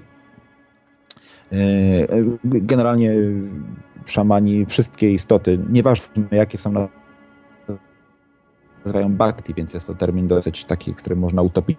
Rozeznać się, o jakich bhakti aktualnie szaman mówi. I mówi o tym, że yy, bhakti genetycznie zmodyfikowali zwierzęta, stworzyli ludzkość. Obcy bhakti powiedzieli wczesnemu człowiekowi, że są po to tutaj, by kontrolować rozwój cywilizacji. i że jest wielu innych obcych, którzy chcieliby najechać naszą planetę, że oni po prostu chronią nas przed tym, tą nową stworzoną ludzkość czy, czy planetę, były dobrymi, można powiedzieć, i potężnymi istotami. Te istoty z początków, prawda, sprzed, które wielokrotnie wtedy przybywały, które pilnowały tego rozwoju życia. I mówię o legendach Ameryki, prawda? Mhm, tak. E, szamani nauczają, że e, Bhakti są bogami z gwiazd, które często, niszczą, e, często niszczącymi dowody prawdziwej historii człowieka w celu utrzymania ludzkości w ignorancji i poddatności na kontrolę. I wspominają właśnie, że, że te Bhakti, które niszczyły te dowody, są to oczywiście tradycje ustne, prawda? Mhm. Mówią, że nasi gwiezdni y, bogowie Bhakti stracili kontrolę nad Ziemią na rzecz innej rasy obcych, które były, y, jak oni o, o nich mówili, brutalnymi gadami o twarzach smoków. No, to jest praktycznie dosłownie tłumaczenie, więc jest to niezwykłe tutaj w swojej, w swojej wymowie. Yy, które przejęły powiedzmy kontrolę nad, nad ludzkością, to są takie powiedzmy najstarsze rzeczy, które można znaleźć i są to tradycje ustne, więc nie masz to się łudzić, że znajdziemy to gdzieś zapisane. Yy, było bardzo, bardzo trudno coś takiego znaleźć. I oczywiście też możemy dalej przejść do całej kultury Majów i tak dalej. Tam aż się roiło właśnie od tych istot tego typu ikonografia tego była tak potężna, że wszyscy pamiętamy yy, słynny rysunek, wiadomo, pierzastego węża, tak? Mhm. I ten rysunek, o, tutaj już mam. W starożytnym Meksyku był Bóg, król znany Quetzalcoatl, prawda? Tak. Ptak i koatl, czyli połączenia ptaka i węża. Co ciekawe, dlaczego występuje ciągle to połączenie Y, węży i ptaków. Z prostej przyczyny. Współcześnie w symbolice współczesnych tajnych stowarzyszeń występuje często ptak w połączeniu właśnie zastępujący niejako gadzią symbolikę. Jest to takie symboliczne ukazanie powiedzmy ewolucji tego gatunku, ponieważ gady ewoluowały w ptaki, co wiemy. Więc ptaki są w sumie potomkami starożytnych gadów, można powiedzieć, dlatego ta ikonografia występuje. Osobna historia zupełnie. E, w każdym razie e, był Quetzalcoatl bogiem z gwiazd, który przywiódł cywilizację i e, wiedzę o kosmosie do Ameryki Centralnej, prawda? Mhm. Starożytne teksty z, z Yucatanu bodajże, znane jako Hulam Balam, tak to się nazywa. Mówią nam, że pierwsi mieszkańcy tego regionu byli znani, byli zwani ludem Chens, Chanes, nie wiem jak to się czyta, co oznacza ludzi węża. Byli oni rządzeni przez króla zwanego Itzmana. Słowo Itzman oznacza jaszczurkę, prawda? Był on przedstawiony w postaci y, jako pół człowiek, pół wąż i występuje wszędzie, gdzie tylko tam mogli wyrysować właśnie tą postać człowieka węża i składali mu ofiary, prawda? Mhm. Y, składali ofiary w postaci dzieci, y, czego symbolem jest na przykład to, co jest, występuje po, e, na przykład w herbie Mediolanu, czyli, czyli wąż połykający dziecko. Ten sam symbol, który jest na Alfa Romeo na przykład, czy, czy e, w niektórych rzeźbach Wielkiej Brytanii przejęte zostały przez tajne stowarzyszenia e, w ogrodzie bodajże Berlusconiego też jest zrobił sobie taki symbol y, węża połykającego człowieka. Y, ten wąż to nie jest Quetzalcoatl, tylko bóstwo zwano Tlalokiem. To tak, to mi się udało ustalić, że nie ma nic wspólnego y, z Quetzalcoatlem. I ten sam symbol właśnie tego człowieka, pół człowieka, pół węża dotyczy całej reszty jest identyczny w całej reszcie kultur, powiedzmy, na Ziemi. W Indiach jest tego cała masa, e, tak jak już przeskoczymy, te istoty są przedstawiane identycznie, tylko nazywają się zupełnie inaczej, nazywają się nagami, nagas, mhm. nagowie, prawda? Czyli wężokształtne bóstwa wodne. Co ciekawe, e, identyczne jest też e, przedstawianie tych, tych bóstw jako człowiekokształtne bóstwa wodne, też oczywiście w Ameryce Południowej, E, bardzo interesująca sprawa, która też się wiąże właśnie z, też z Egiptem, która mówi o tym, że piramidy, które były na przykład przed, yy, czy świątynie, prawda, były otoczone wodą i według yy, legend bóstwo zawsze pojawiało się ze świata, pod, musiało wyjść ze świata podziemnego przez wodę, prawda, z rejonie piramidy. Pomijam przyczyny tego, dlaczego tak się działo, yy, ale to była główna, główna przyczyna, dlaczego Y, piramidy były otoczone wodą. Okazuje się, że w Ameryce Południowej rzeczywiście tak było. Były zbiorniki wodne wokół piramid i y, też był ogromna, y, ogromny artykuł w Nexusie mówiący o rekonstrukcji kompleksu w Gizie, że tamtejsze piramidy też były otoczone kiedyś wodą, prawda? Nil, który tam kiedyś przepływał. Bardzo interesujące powiązanie i to samo mamy też oczywiście w Indiach, mówiącym o tym, że Nagasowie są Y, wężokształtnymi bóstwami wodnymi. To też się wiąże właśnie z archetypem wody, ale niestety nie mam pojęcia dlaczego. Y, mieszkają one, y, tak wyjaśniając właśnie jeszcze te istoty właśnie Nagas, mieszkają one w podziemnym mieście Bogwati, gdzie strzegą skarbów ukrytych w ziemi i tak dalej. Czasami dzielą się one ze śmiertelnikami, mogą przyjmować ludzką formę, całkowicie ludzką formę. E, wiele dynastii starożytnych wywodziło swoje pochodzenie od związku jakiegoś Herosa i, i właśnie istot zwanych Nagas. E, wiele gatunków jest istot e, zwanych Nagasami, które, które miały swoje po prostu różne interesy. Wiele z tych istot E, Nagas e, często nie było ich kompletnie zamiarem na przykład manipulowania ludźmi, po prostu miały swoje własne interesy. Jak człowiek im nie wchodził w drogę, to e, nic, nic, im, nic nie było robione. Mhm. Pomagały, jak miały w tym interes, prawda? Szkodziły, tak. jak nie miały interesu. Wi wiadomo też na przykład, że, że spotkania z tego typu istotami kończyły się dosyć destrukcyjnie dla ludzkiej psychiki. E, no to tak, e, żeby nie przedłużać, bo to się wiąże też z kulturą Chin i znalazłem też identyczne rysunki w Chinach, więc jest to w ogóle e, tak. kompletny hard. Mamy słuchacza na antenie. To naprawdę bardzo fajny, fajny temat. Tak, krawiec jest z nami. Halo Krawcze. Cześć Claude, witam gościa szanownego. Witam tak, bardzo witam. Cię serdecznie. Ja chciałem Ci jeszcze podziękować bardzo za jingle, które tworzysz cały czas. No, jestem pod wrażeniem. I dziękuję. Proszę. Proszę. No, świetna, świetna audycja. Słucham sobie z zainteresowaniem i będę sobie na pewno jeszcze raz odsłuchiwał offline, e, bo zamierzam weryfikować sobie różne informacje ciekawe podawane przez gościa. Będę sobie to sprawdzał E, i rozszerzał e, wiedzę o tym. E, a tak wracając jeszcze do Biblii, to chyba były dwa drzewa z tego, z tego co pamiętam. Jedno to było drzewo, drzewo życia właśnie, a drugie to było drzewo poznania dobra i zła, tak? Mhm tak, coś, coś takiego było.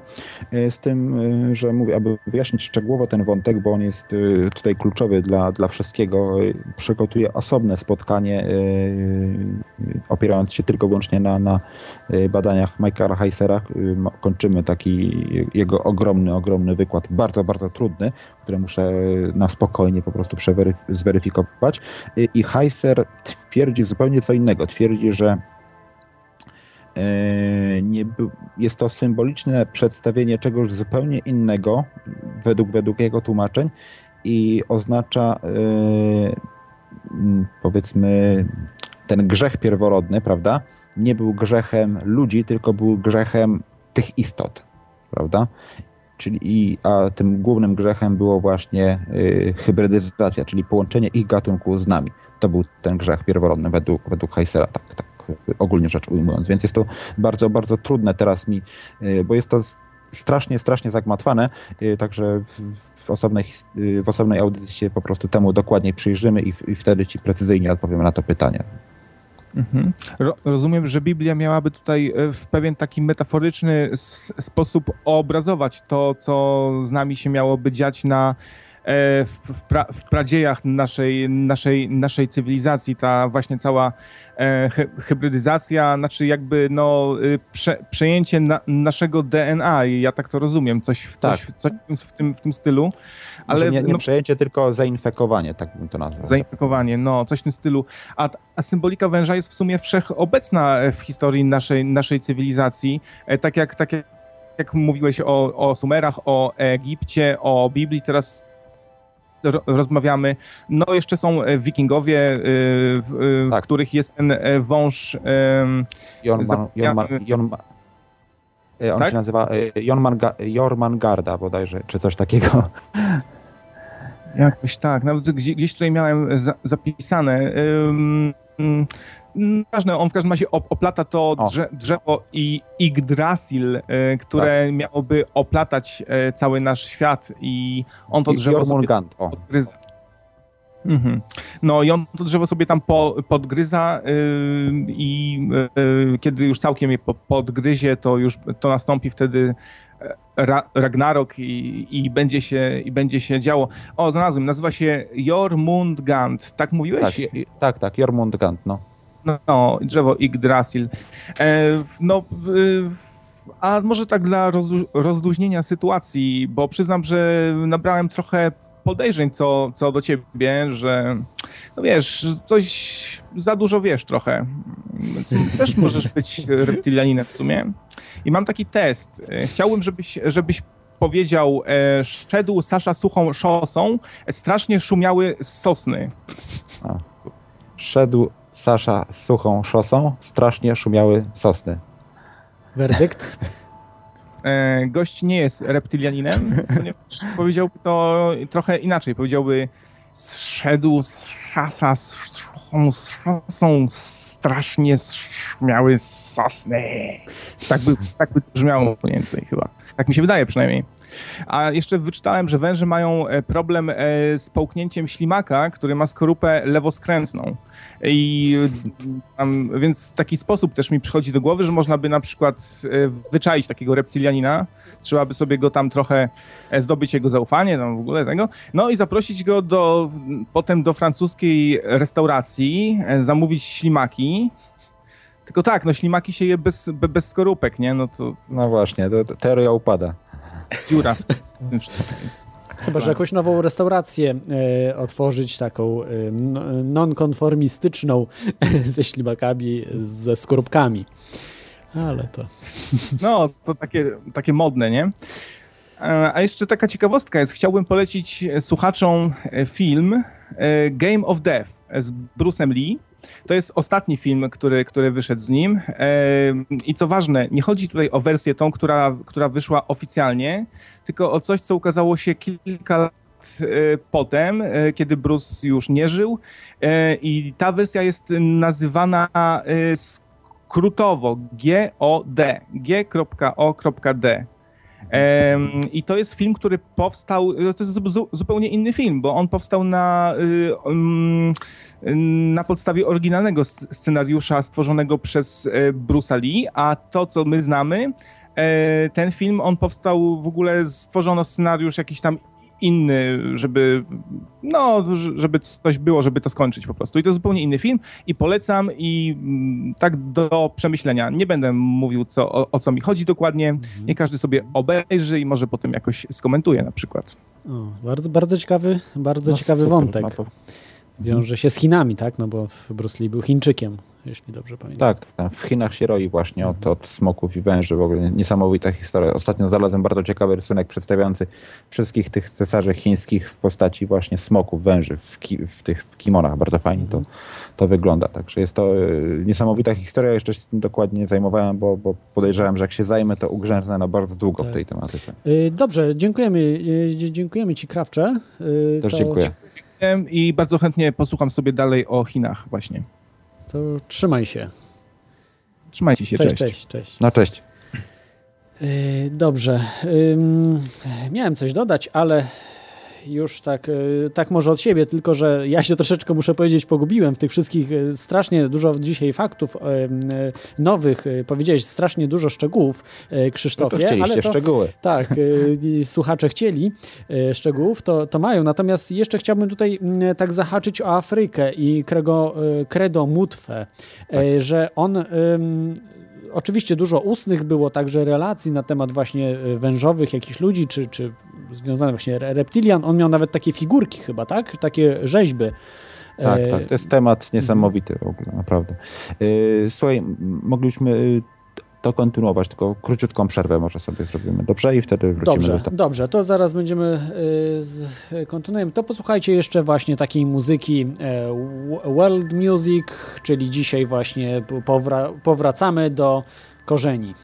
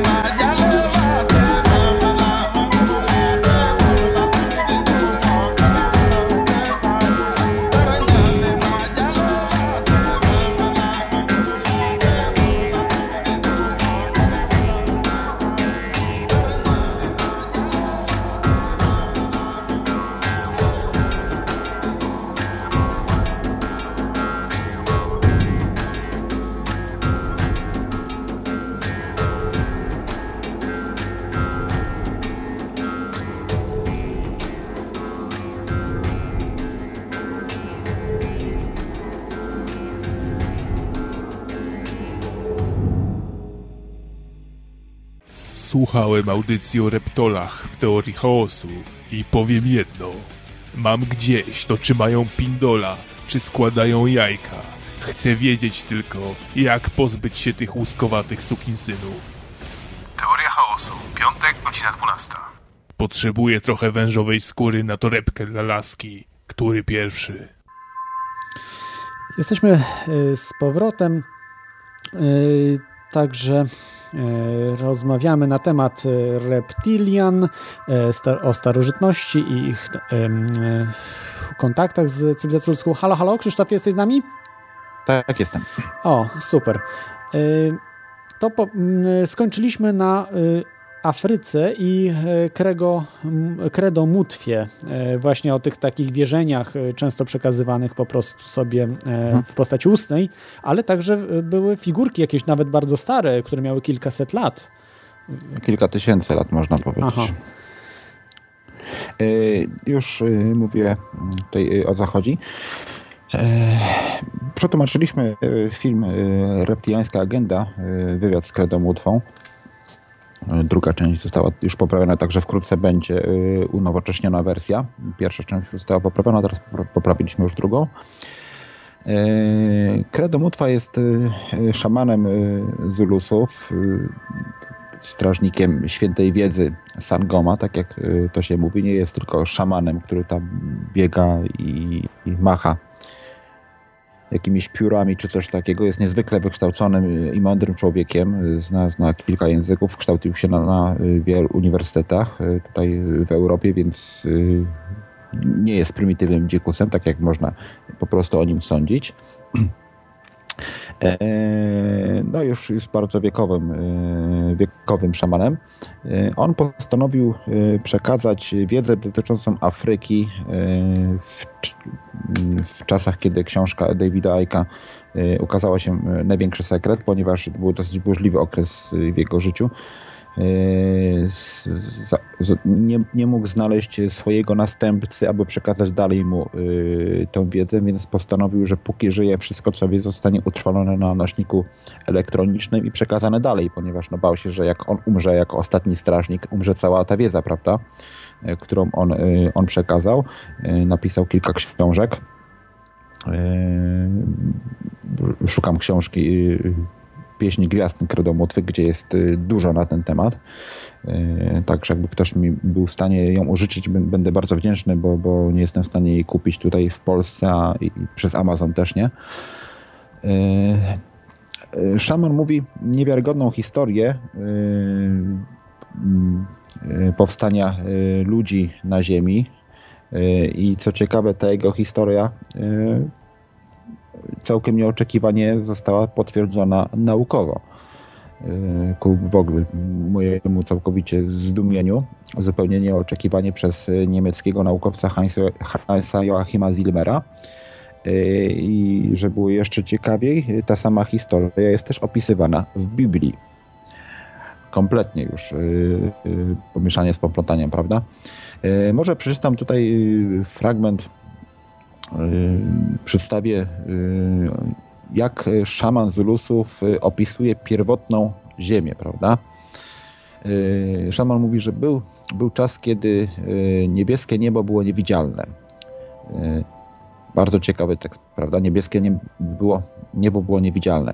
Dlaczego tak jest, wyjaśnią, wyjaśnią właśnie teorię Hansa Joachima Zilmera. www.zilmer.com polecam bardzo.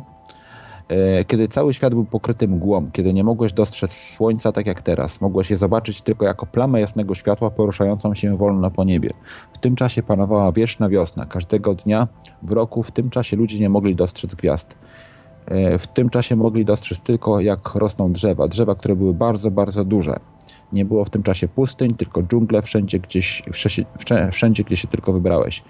E, w tym czasie ludzi e, byli e, określani jako Zulun Gubuli. Ludzka istota była zarówno kobietą i mężczyzną w jednym ciele, hemafrodytą inaczej. Pewnego dnia z nieba przybyły straszne obiekty. Były to gigantyczne jak, były to gigantyczne jak kule wykonane ze śniącego złota, gigantyczne jak góry. Były ukształtowane jak kule bez szwów i były większe niż największe góry. Przybyły z nieba, przynosząc ze sobą wielki hałas, czarny dym yy, i ogień. Z tych wielkich obiektów wyszli oni. Byli w tym, były w tym czasie y, oni, czyli Chitauri.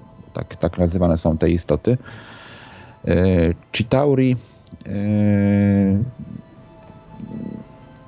składały Chitauri to jak to szaman mówi to były dwa gatunki, które e, przybyły, czy Tauri i jeszcze inny gatunek, który im służył, by, był ich e, wykonawcą, prawda? Wykonawcą e, ich rozkazu, sługi, służące tak zwane właśnie, które się nazywają bodajże, tutaj teraz mam zanotowane, Mantindane. To są właśnie te słynne szaraki. Prawda? Te istoty są ze sobą ściśle powiązane. I tak jak archoni opisują, opisują, opisują identyczny typ istot, które przybyły, prawda? Znaczy zwoje znak Hamadi, to jest niezwykłe. Yy, dalej, co mówi Kredomutwa. W tym czasie ludzkie istoty nie mogły mówić. Nie mieliśmy daru języka, w tym czasie jednak ludzie mieli wielkie umysłowe moce. Ale gdy Chitauri przybyli do Afryki, powiedzieli naszym ludziom, że są yy, naszymi bogami i dlatego dadzą nam istotom ludzkim wielkie dary pod jednym warunkiem. Mamy ich czcić i zaakceptować jako naszych stwórców. Niektórzy z nich powiedzieli naszym ludziom, że są naszymi starszymi braćmi że ziemia, i że ta ziemia stworzyła ich wiele pokoleń temu i powiedzieli, że powrócili do zielonego łona swojej matki, zamierzają zrobić znak z bogów. No, jak to się skończyło, także yy, niezbyt yy, dobrze. Ci Tauri powiedzieli ludziom, których siłą zgromadzili przy pomocy ognistych biczów, że są wielkimi bogami z nieba i zaś otrzymają od nich wiele darów. Także bardzo ciekawe. Najpierw przyprowadzają ognistymi biczami, a potem mówią, że nas obdarują. Yy, tak zwani bogowie wyglądali jak ludzie, choć byli od nich znacznie wyżsi, mieli długie ogony, przeraźliwe ogniste oczy. Niektórzy z nich mieli dwoje żółtych, jasnych oczu, inni zaś ich troje, z czerwonym, okrągłym okiem pośrodku czoła. Istoty te odebrały ludziom mocy, jakie ci posiadali. Możliwość mówienia przy pomocy umysłu, możliwość przesuwania obiektów myślą, możliwość widzenia przyszłości, wglądu w przeszłość i możliwość duchowych podróży do innych światów.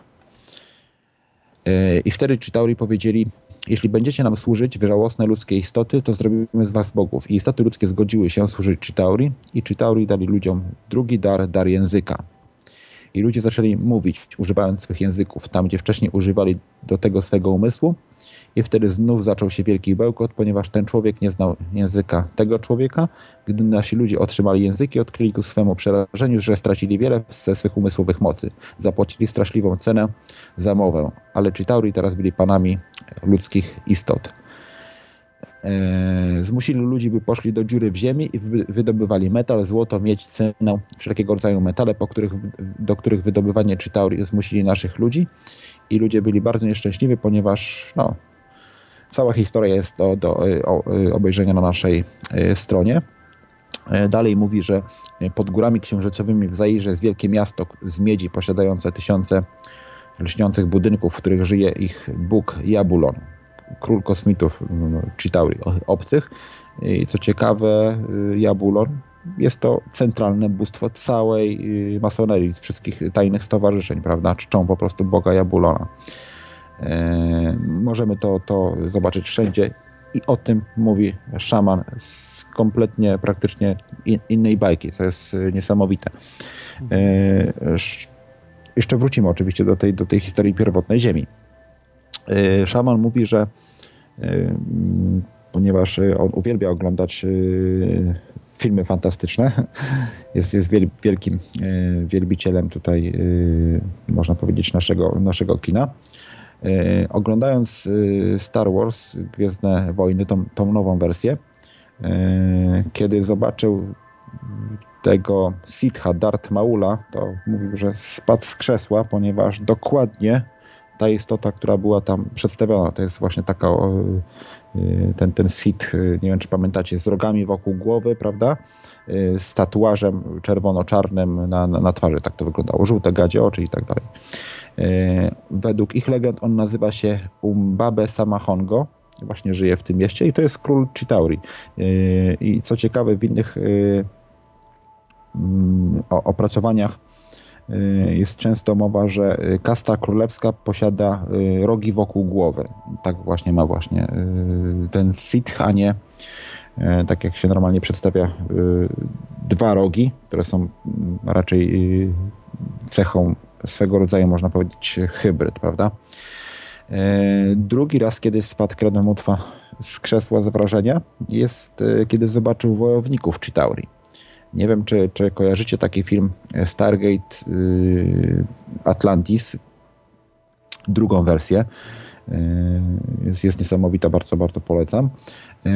Tam opis są mm, centralną postacią tych, tych wrogów ludzi są istoty zwane Wright E, ludzie cienie, tak się nazywa, można powiedzieć trupy, coś w tym stylu.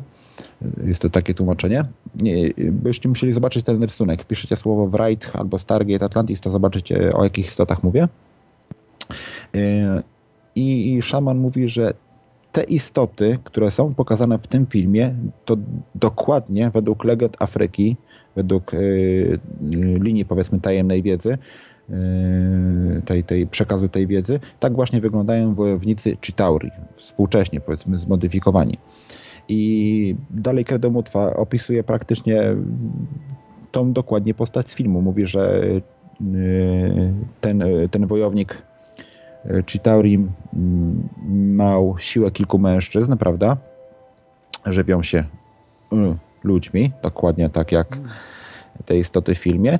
I opisał jego wygląd, że ubierają się na czarno, y, włosy jak u kobiety, białe, długie, zęby jak u lwa, oczy jak u gada, twarz poorana bliznami i tatuażami o wyglądzie mokrej, y, brudnej, białej kredy. Mhm. To jest identyczny opis właśnie istoty Wright z filmu, więc mówił, że był po prostu zdruzgotany, skąd ten opis y, się wziął nagle i ta istota została tak precyzyjnie przedstawiona w tym filmie. To jest...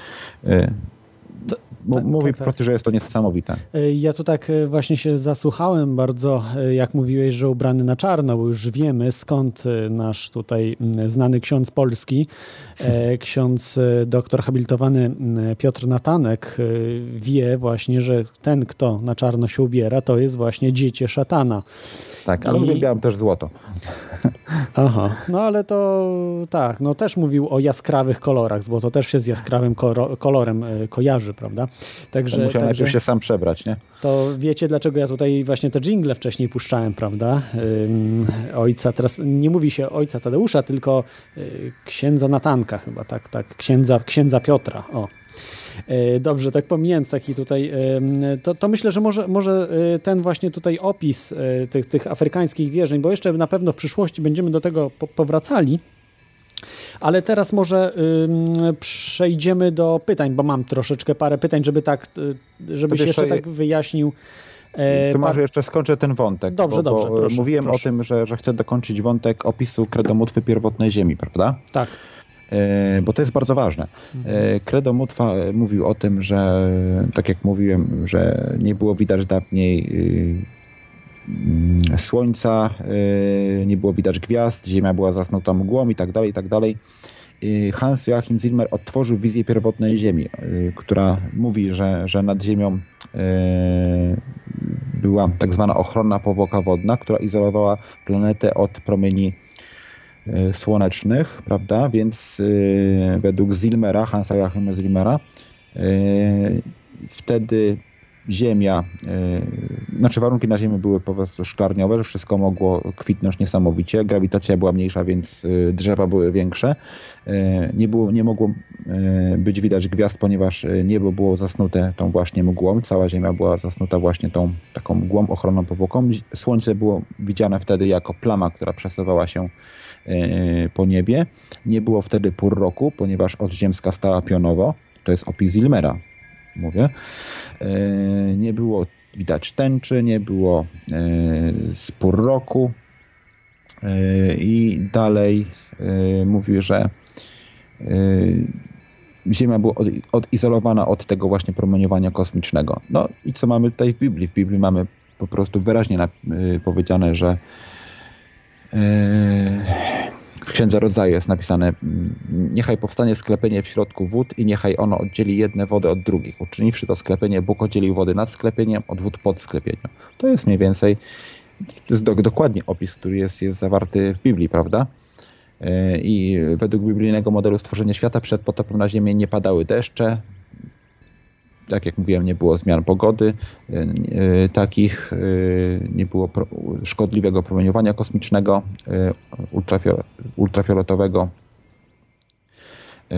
Nie docierał ono do powierzchni Ziemi. Powłoka ta spełniała funkcję podobną do warstwy ozonowej, która teraz chroni naszą planetę przed promieniowaniem fal krótkich. Często w badaniach jądrowych stosuje się wodę jako ciecz skutecznie y, chroniącą organizmy żywe przed szkodliwym y, oddziaływaniem substancji promieniotwórczych. Takie kurtyny wodne, prawda? Nawet w elektrowniach jądrowych się coś w tym stylu stosuje. E, ponieważ one powodują niszczące zmiany genetyczne w chromosomach, także przyspieszają proces starzenia komórek itd. Tak itd. Tak Więc pod tą ochronną powłoką wodną rośliny i zwierzęta osiągały większe rozmiary, były zdrowsze i, i żyły dłużej, prawda? E, no i też była według innej teorii po prostu mniejsza grawitacja na Ziemi, więc te zwierzęta rzeczywiście mogły być większe dinozaury. Dzisiaj współcześnie dinozaur tej wielkości, y, pewnie jak ten diplodok słynny, nie byłby w stanie po prostu się pewnie utrzymać na nogach, bo by się połamał pod własnym ciężarem. E, więc y, Hans Joachim Zilmer dokładnie w sposób naukowy, już pomijam tą kwestię, bo są trzy książki, które o tym mówi niezwykłe, e, bardzo polecam udowodnił, że to, co jest napisane w Biblii, to samo mówił szaman Zulusów i to samo on potwierdził, więc trzy całkowicie różne źródła mówiące o tym samym, no to, to nie może być przypadek. Yy, szaman jeszcze wspomina o tym, że kiedy ta powodna, yy, ochrona powłoka wodna się zerwała, nastąpił potop. Właśnie cała ta woda, z, która była wtedy taka bardzo gruba warstwa chmur, tak to nazwijmy, była na niebie spadła na, na, y, na y, ziemię, właśnie, właśnie symboliczny potop i wtedy no, to była jakaś seria katastrof wielkich kosmicznych, prawda? Ogromne ilości tam meteorytów. Trudno powiedzieć, co się stało. W każdym razie stało się to może 12 tysięcy lat temu, według Zilmera całkiem niedawno, przed naszą erą, według biblijnego właśnie stworzenia świata. W tym sensie, że cała skorupa ziemska została niejako przemodelowana, prawda? E, to, to jest całkowicie osobna historia, można by zrobić o tym też osobną audycję. E, I, i mówi o tym, że e, no, kiedy ta ochrona półwoka spadła, wtedy ludzie po prostu mogli zobaczyć gwiazdy, pojawiła się tęcza, Ziemia, która została, można powiedzieć, uszkodzona, przechyliła się i oś ziemska spowodowała, zmiana osi ziemskiej obrotu spowodowała właśnie powstawanie pór roku, które my znamy powstały pogody. Symbolicznie to jest opisane jako tęcza w Biblii, prawda? No i co ciekawe, według szamana wraz, to było też, też w tym okresie, pojawił się wtedy na, na niebie księżyc, który wtedy nie istniał na niebie. I to jest księżyc, to jest w ogóle osobna historia. Wtedy pojawiła się właśnie wielki ucisk i wielka kontrola według, według szamana. To tak na, na zakończenie tej, tego tematu który tak. trzeba będzie oczywiście rozwinąć, bo temat księżyca to jest całkowicie osobna bajka. Tak, to jest, to jest e, no też w nauce e, trwają różne debaty, prawda? Nikt nie, nie, w nauce nie, nie przedstawił jakiegoś konkretnego dowodu, prawda, jak powstał księżyc i tak dalej. To jest tylko są domysły zupełne, ale e, powrócę jeszcze do przypadku, bo ja uważam, że przypadek zawsze może mieć miejsce, prawda, bo można i od kawy wygrać szóstkę i tak dalej, natomiast pewne rzeczy trzeba odrzucać, prawda, jeśli chodzi o przypadki, bo także i naukowcy twierdzą, że samo życie może powstać, prawda, na zasadzie przy, przypadku, albo y, tak jak to można porównać do Jumbo Jetta, który się sam składa, prawda? Mamy tak. rozrzucone części, same się złożą, jak przejdzie tornado po tym, czyli tak, tak, zwana teoria chaosu, czyli że motyl, to, to jest podobne do tego, jak motyl trzepnie skrzydłami, to może, może y, poprzez prawdopodobieństwo wyjść to nam, że uzyskamy huragan na y, drugiej półkuli ziemskiej, prawda? No oczywiście, może się to zdarzyć, ale to jest tak mało prawdopodobne, podobne, że musielibyśmy czekać na to, nie wiem, y, miliard y, y, razy dłużej, miliard, może setki miliardów razy dłużej niż e, cały wszechświat trwa, albo, albo tak, jeszcze, jeszcze. Tak. Także, hmm. także to są pewnie, pewne absurdalne dosyć rzeczy, które mm, no raczej, raczej nie mogą zajść. Powiedzmy, jest większa szansa niż zero, ale bardzo, bardzo bliska e, ta szansa. E, dobrze, ja może przypomnę, że możecie dzwonić skype kontestacja.com 222 195 321 ja miałbym takie parę pytań uściślających do tego wszystkiego, bo już będziemy powoli tak powoli skłaniali się do, no, zbliżali się ku końcowi. To pytanie, tak mówiłeś o to kopalnictwo. To jest bardzo ciekawe. Tutaj mam taki mm, fragment, to nie wiem, czy to nie od Sit- Sitchina pochodzi, czy, ale może nie, nie do końca. Mam właśnie y, takie informacje z tym kopalnictwem, że odkryto ślady kopalnictwa sprzed 100 tysięcy lat. To była Anglo-American Corporation y, z lat 70. XX wieku. Y, właśnie prowadziła y, pewne y, badania w południowej Afryce i odkryto ślady kopalnictwa sprzed 100 tysięcy lat. Czy, czy możesz na przykład potwierdzić to, czy badałeś tą sprawę, czegoś takiego? E, Powiem może w ten sposób, e, że e, tak, tak, to jest nie, nie, niezwykle e, interesy, intrygująca tematyka, tylko jest wielki problem z datowaniem tego wszystkiego, prawda? Mhm. Bo cała nasza archeologia ma gigantyczny problem z datowaniem, więc podstawą jest weryfikacja tego, tego datownictwa i te informacje o starożytnych kopalniach jest, jest naprawdę bardzo dużo. I Jak najbardziej jest o tym, interesowałem się tą tematyką. Yy, To po prostu trzeba zebrać do kupy, ale yy, z tego, z tego co wiem, to były znajdowane yy, najróżniejsze kopalnie, łącznie z kopalniami uranu. Pomijam kwestię, do czego mógł być ludziom pierwotnym uran potrzebny, ale ruda uranu, ale tak było. Także yy, jak najbardziej. No głównym były kruszce oczywiście, yy, najczęściej złoto i tak dalej, i tak dalej. Więc Tak, są to tak. rzeczy rzeczywiście potwierdzone. Tylko problem jest z datowaniem, prawda? Rozumiem, ale to jest bar- bardzo dziwne, bo przecież e, człowiek generalnie kopalnictwo i w ogóle wydobywanie ród to się kojarzy z neolitem, prawda? Czyli maksymalnie 10 tysięcy y, lat przed naszą erą, powiedzmy 12 tysięcy lat do tyłu, a tu mówimy Tak. o 100 tysiącach lat, prawda? Gdzie człowiek był dosyć, nie wiem, ogniska może rozpalał wtedy, prawda? Ale nie, nie myślał o Tak. jakimś złocie, czy, czy tym bardziej jakichś innych rudach. Tylko mówię, datowanie właśnie jest, jest bardzo, bardzo problematyczne i tutaj trzeba by to mocno przewertować i o, to jest zupełnie osobna historia, tak, ale tak, tak. w- żeby ustalić jakąś chronologię, która no, w tej chwili jest moim zdaniem po prostu niemożliwe ustawienie jakiejś sensownej chronologii. Jest, można, jest kilka takich okresów, prawda, Mhm. które według mnie, y, które tym związane. Mogły to być oczywiście też, też y, czasy, jak się mówi, przed potopem, prawda? Bo zależy tylko, tylko y, musiał zobaczyć, y, jakie były warunki datowania y, tych kopalni. To, to wtedy możemy się coś bliżej, bliżej na ten temat powiedzieć. Rozumiem. Dobrze, kolejne pytanie, tak usystematyzowując to wszystko, bo no, tych faktów, które podałeś, było strasznie, strasznie dużo i podejrzewam, no ja mam troszeczkę mętlik w głowie, muszę powiedzieć, słuchacze pewnie też, bo jest, jest po prostu naprawdę tego, tego mnóstwo. Ja troszeczkę tak lubię taki klimat amerykański, jak, jak już z tobą rozmawiałem, czyli y, nie zarzucania słuchaczy, prawda, faktami, ale sami chcieli, prawda, słuchacze być No, za, szczegóły. tak, y, za, zarzuconymi. I, I tu mam takie właśnie pytanie o Anunnaki, y, czyli to byli bogowie, prawda, z Sumeru. Y, Czy, czy ich możemy powiedzieć, że to mogli być reptilianie? Jeszcze raz tak to właśnie po, powracając, bo widziałem, że, Y. że też y, były y, na rysunkach, prawda, że ci Anunnaki wyglądali podobnie do ludzi, prawda, tylko byli wyżsi, powiedzmy, powiedzmy czy... No właśnie, to jest, to, jest, to jest ten problem. Przede wszystkim nie byli to Anunnaki, bo jest to złe tłumaczenie i to złe tłumaczenie rozpowszechniła tylko i wyłącznie jedna osoba, nie jakiś Sitchin, który tak. zrobił właśnie tym sposobem dobrą robotę. Jest to kompletna kompletnie genialna robota dezinformacyjna w wielu, wielu zakresach. Mogę wam potem przeczytać list otwarty Heisera, który mam, mam przed sobą, yy, czego, jak poważne to były sprawy i zarzuty, które nigdy nie zostały przez China zidentyfikowane, znaczy zweryfikowane, nie, nie ustosunkował się do nich. Jeśli chodzi yy, yy, o, o Sumer, to tak jak mówiłem, w tym okresie został wydany zakaz wykonywania wizerunków bogów, więc Aha. E, To jest w kulturach przedsumeryjskich ci bogowie wyglądały właśnie tak jak te gadzie bóstwa Ubajt, właśnie ta słynna figurka. E, Potem nastąpił zakaz, mamy o tym też w Biblii, prawda, zakaz wykonywania wizerunków bogów.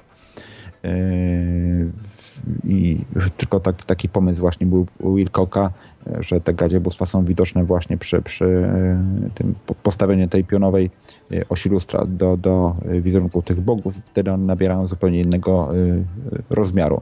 Ale z tłumaczeń słów wynika, że wszystko to dotyczyło węży. Mhm.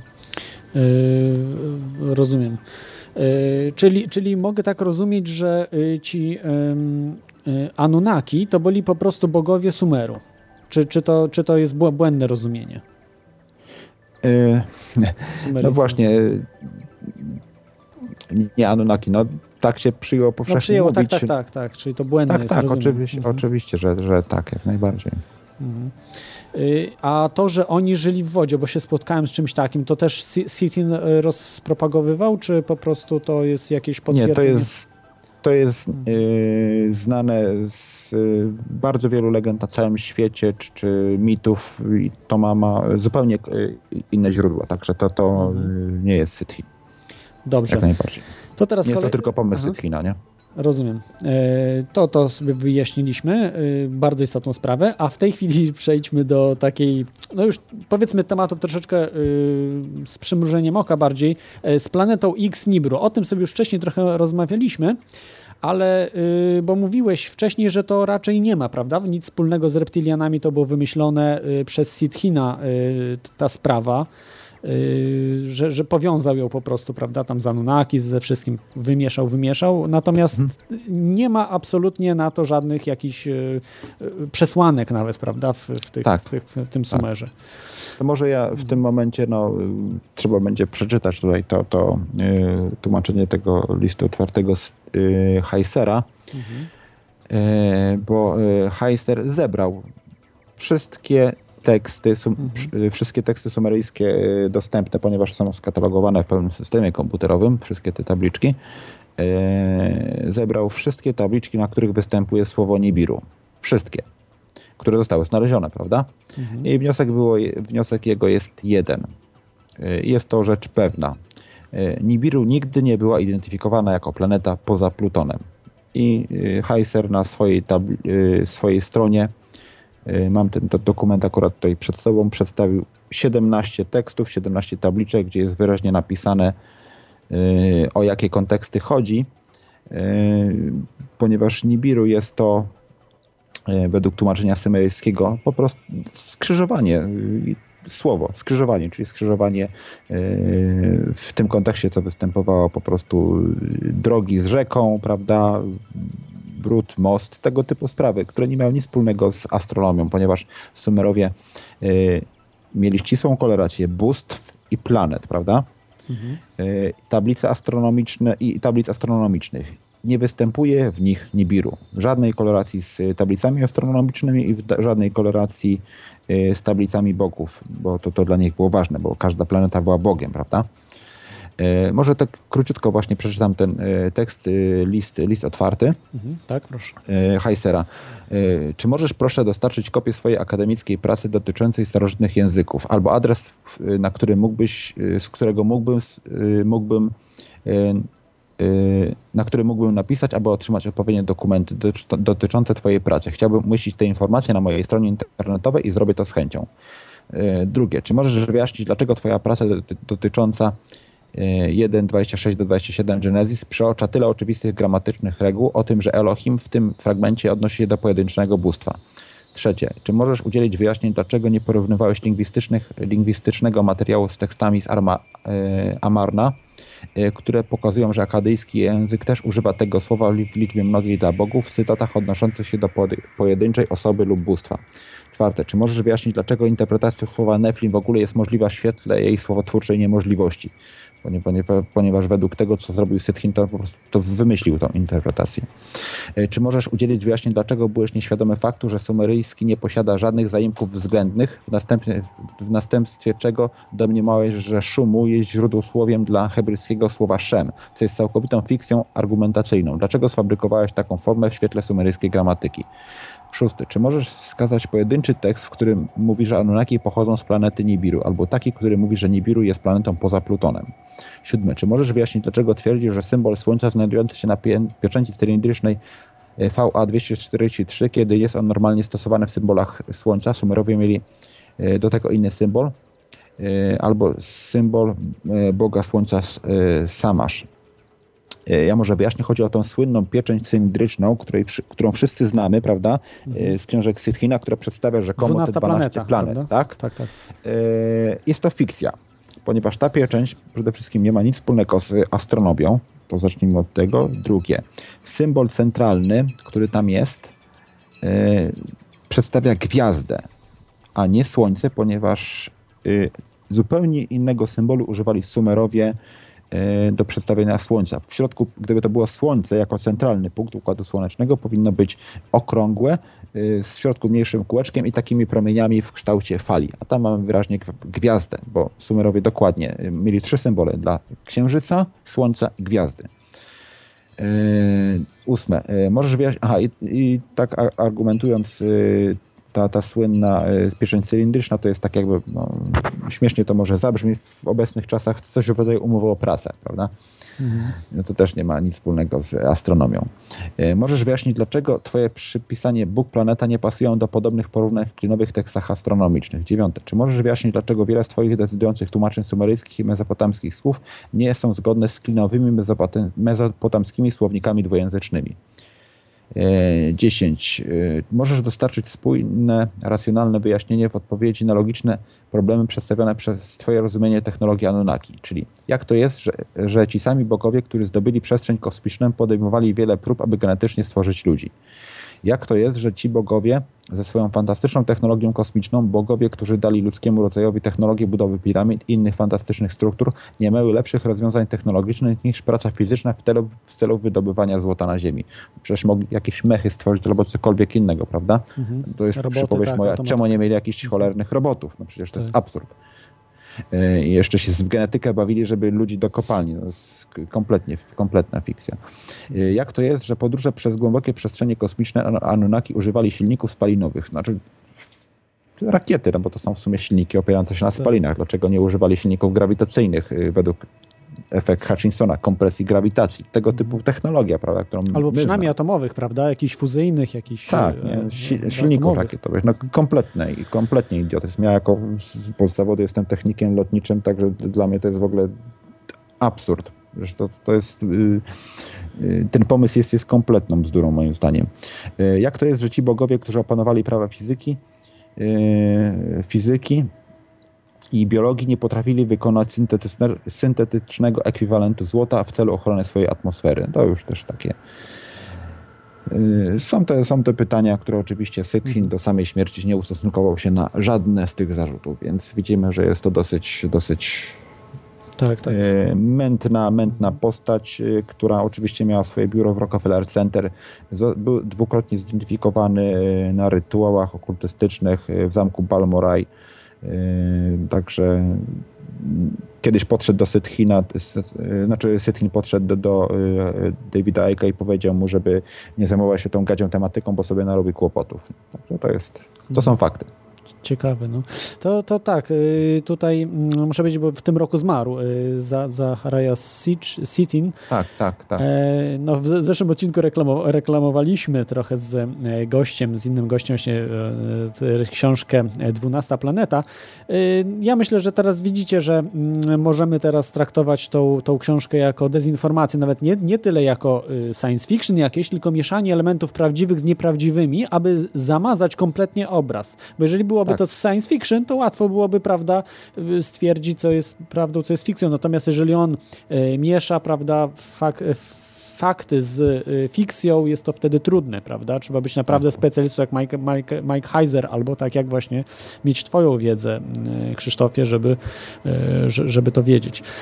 No, tu, tu jest sprawa dosyć, dosyć prosta, ponieważ Sytchin praktycznie u, u, ukrył całkowicie gadzią tematykę, której był doskonale świadomy, ponieważ on nigdy o tym praktycznie nie wspomina, prawda?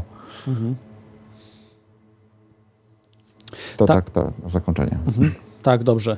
Y, to teraz mam jeszcze takie, już y, będziemy powoli, powoli kończyli. Jak chcecie jeszcze zadzwonić, ostatnia szansa, skype kontestacja.com 222 195 321 jest to audycja na temat y, reptilian.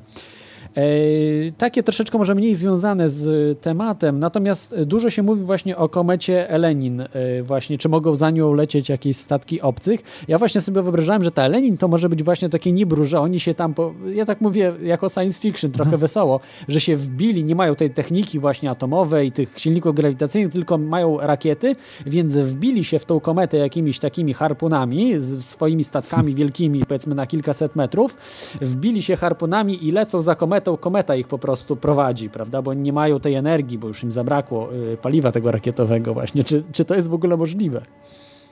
No, dlaczego? Trudno mi określić. Dla mnie w ogóle no, nie znam się na technologii lotów kosmicznych. No, może rzeczywiście te, te obiekty służą swego rodzaju jako e, rodzaj nośnika, chociaż to wydaje mi się po prostu absurdalne. No, całkiem możliwe. Mocne liny musieli ale, mieć. Tak, w ogóle, ale no nie no, sam pomysł dla mnie jest po prostu te, techniczny, dosyć, dosyć dziwny, patrząc na to, jaką powiedzmy mamy technologię i technologię współczesnych, znaczy silników, technologię antygrawitacyjną, prawda?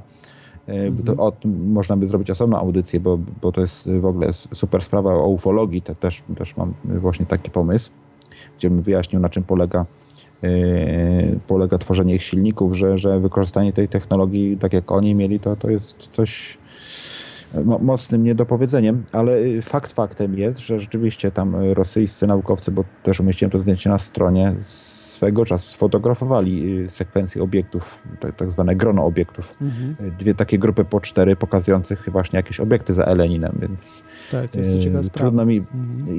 Jest to zdjęcie, można, można po prostu je sobie mhm. obejrzeć. I wiem, że tam były mocne jakieś y, wahania w ich obliczeniach, nie, nie mogli skorygować prawidłowo orbity. Y, teraz, tak, bo ja słyszałem, y, słyszałem tak. wypowiedź znanego takiego mm, as, astronoma, który pracował dla hmm. NASA. Zapomniałem, teraz wypadło mi jego nazwisko.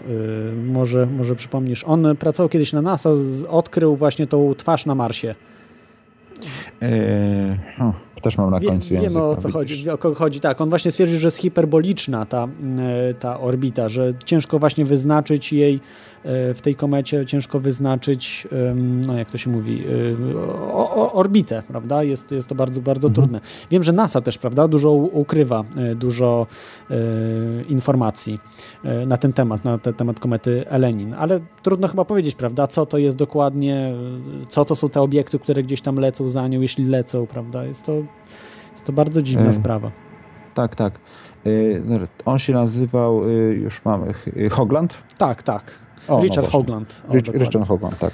Tak, e, tak no, z, z, tych informacji, bo tutaj na forum jest, jest dosyć e, duża dyskusja, no wynika, że, że coś leci, tylko to jest ciekawe, to jest tylko jedno zdjęcie tych, było jakiś czas temu astronomów rosyjskich, ale potem jako żadne zdjęcie tego, jak się mówi, nie mhm. potwierdza, ale to równie dobrze mogło zostać e, powiedzmy skasowane, że coś leci. No, wkrótce się przekonamy, no, nie, nie ma co, co tworzyć teorii, no prawda? Tak, tak. Albo zobaczymy tylko fajne zjawisko, trzeba będzie aparaty wyciągnąć i robić deszcze meteorytów albo coś, coś innego. No ale y, osobiście nie wierzę, że cokolwiek to przyniesie powiedzmy destrukcyjnego na Ziemi, ale to jest, mówię, tylko moje zdanie.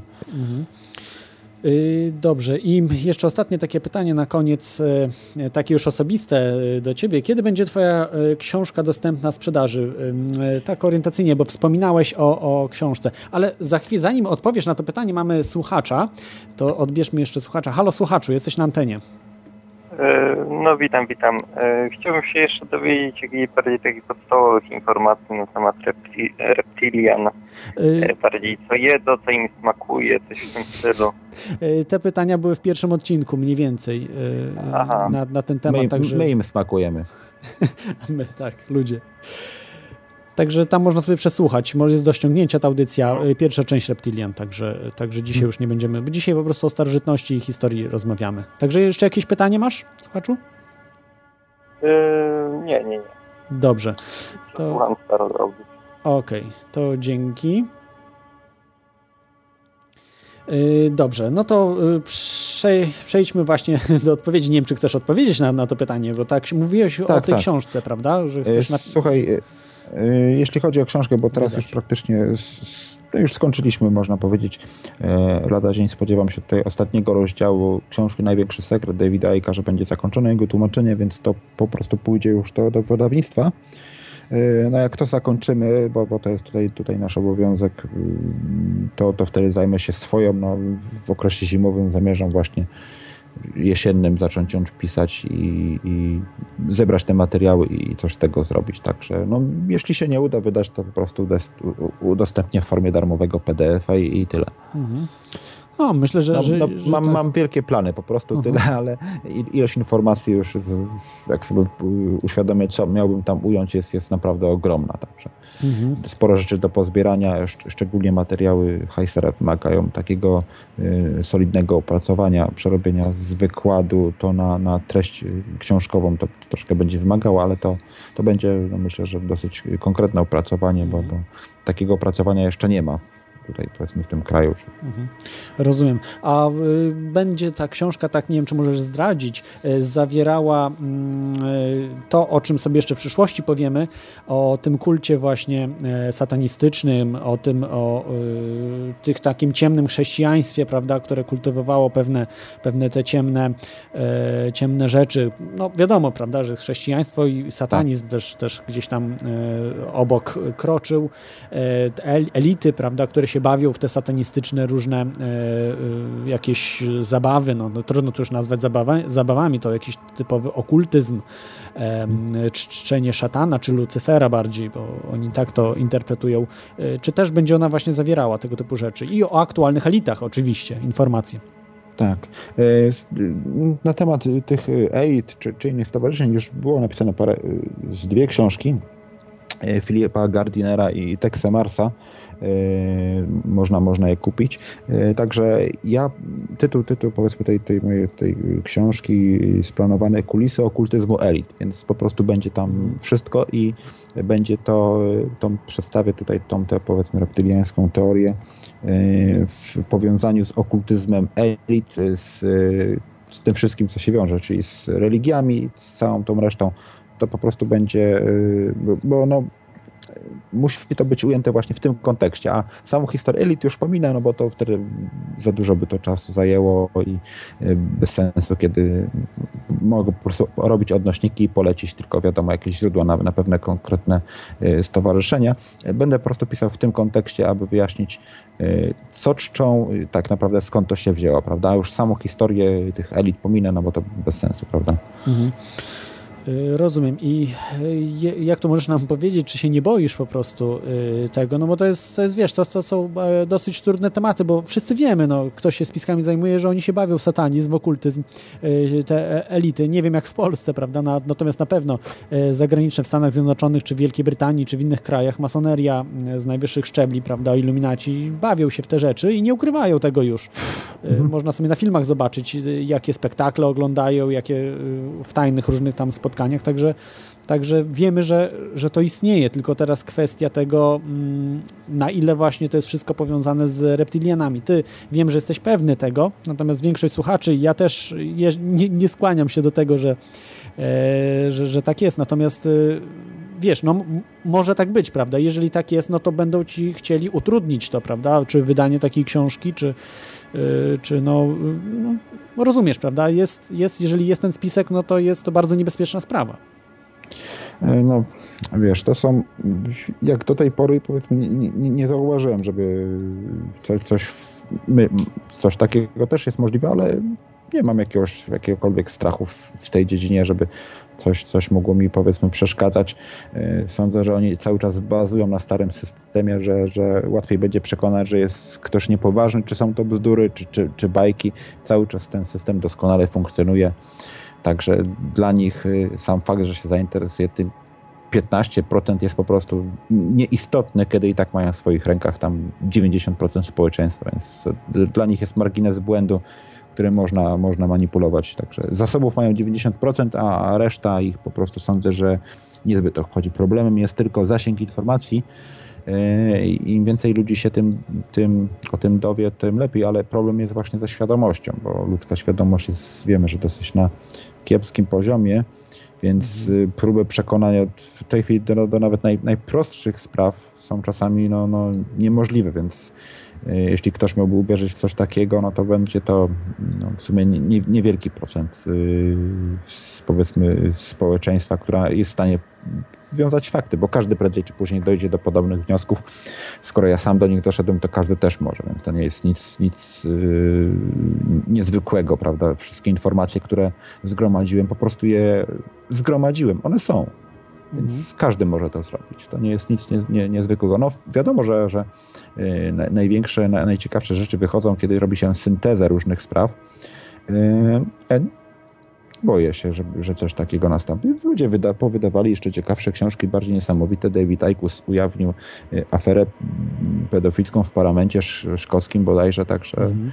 wiele innych spraw.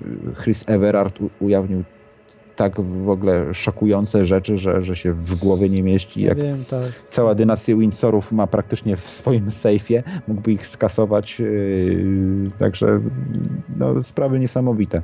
Mhm. Na razie ich yy, traktują jako wariatów raczej, prawda?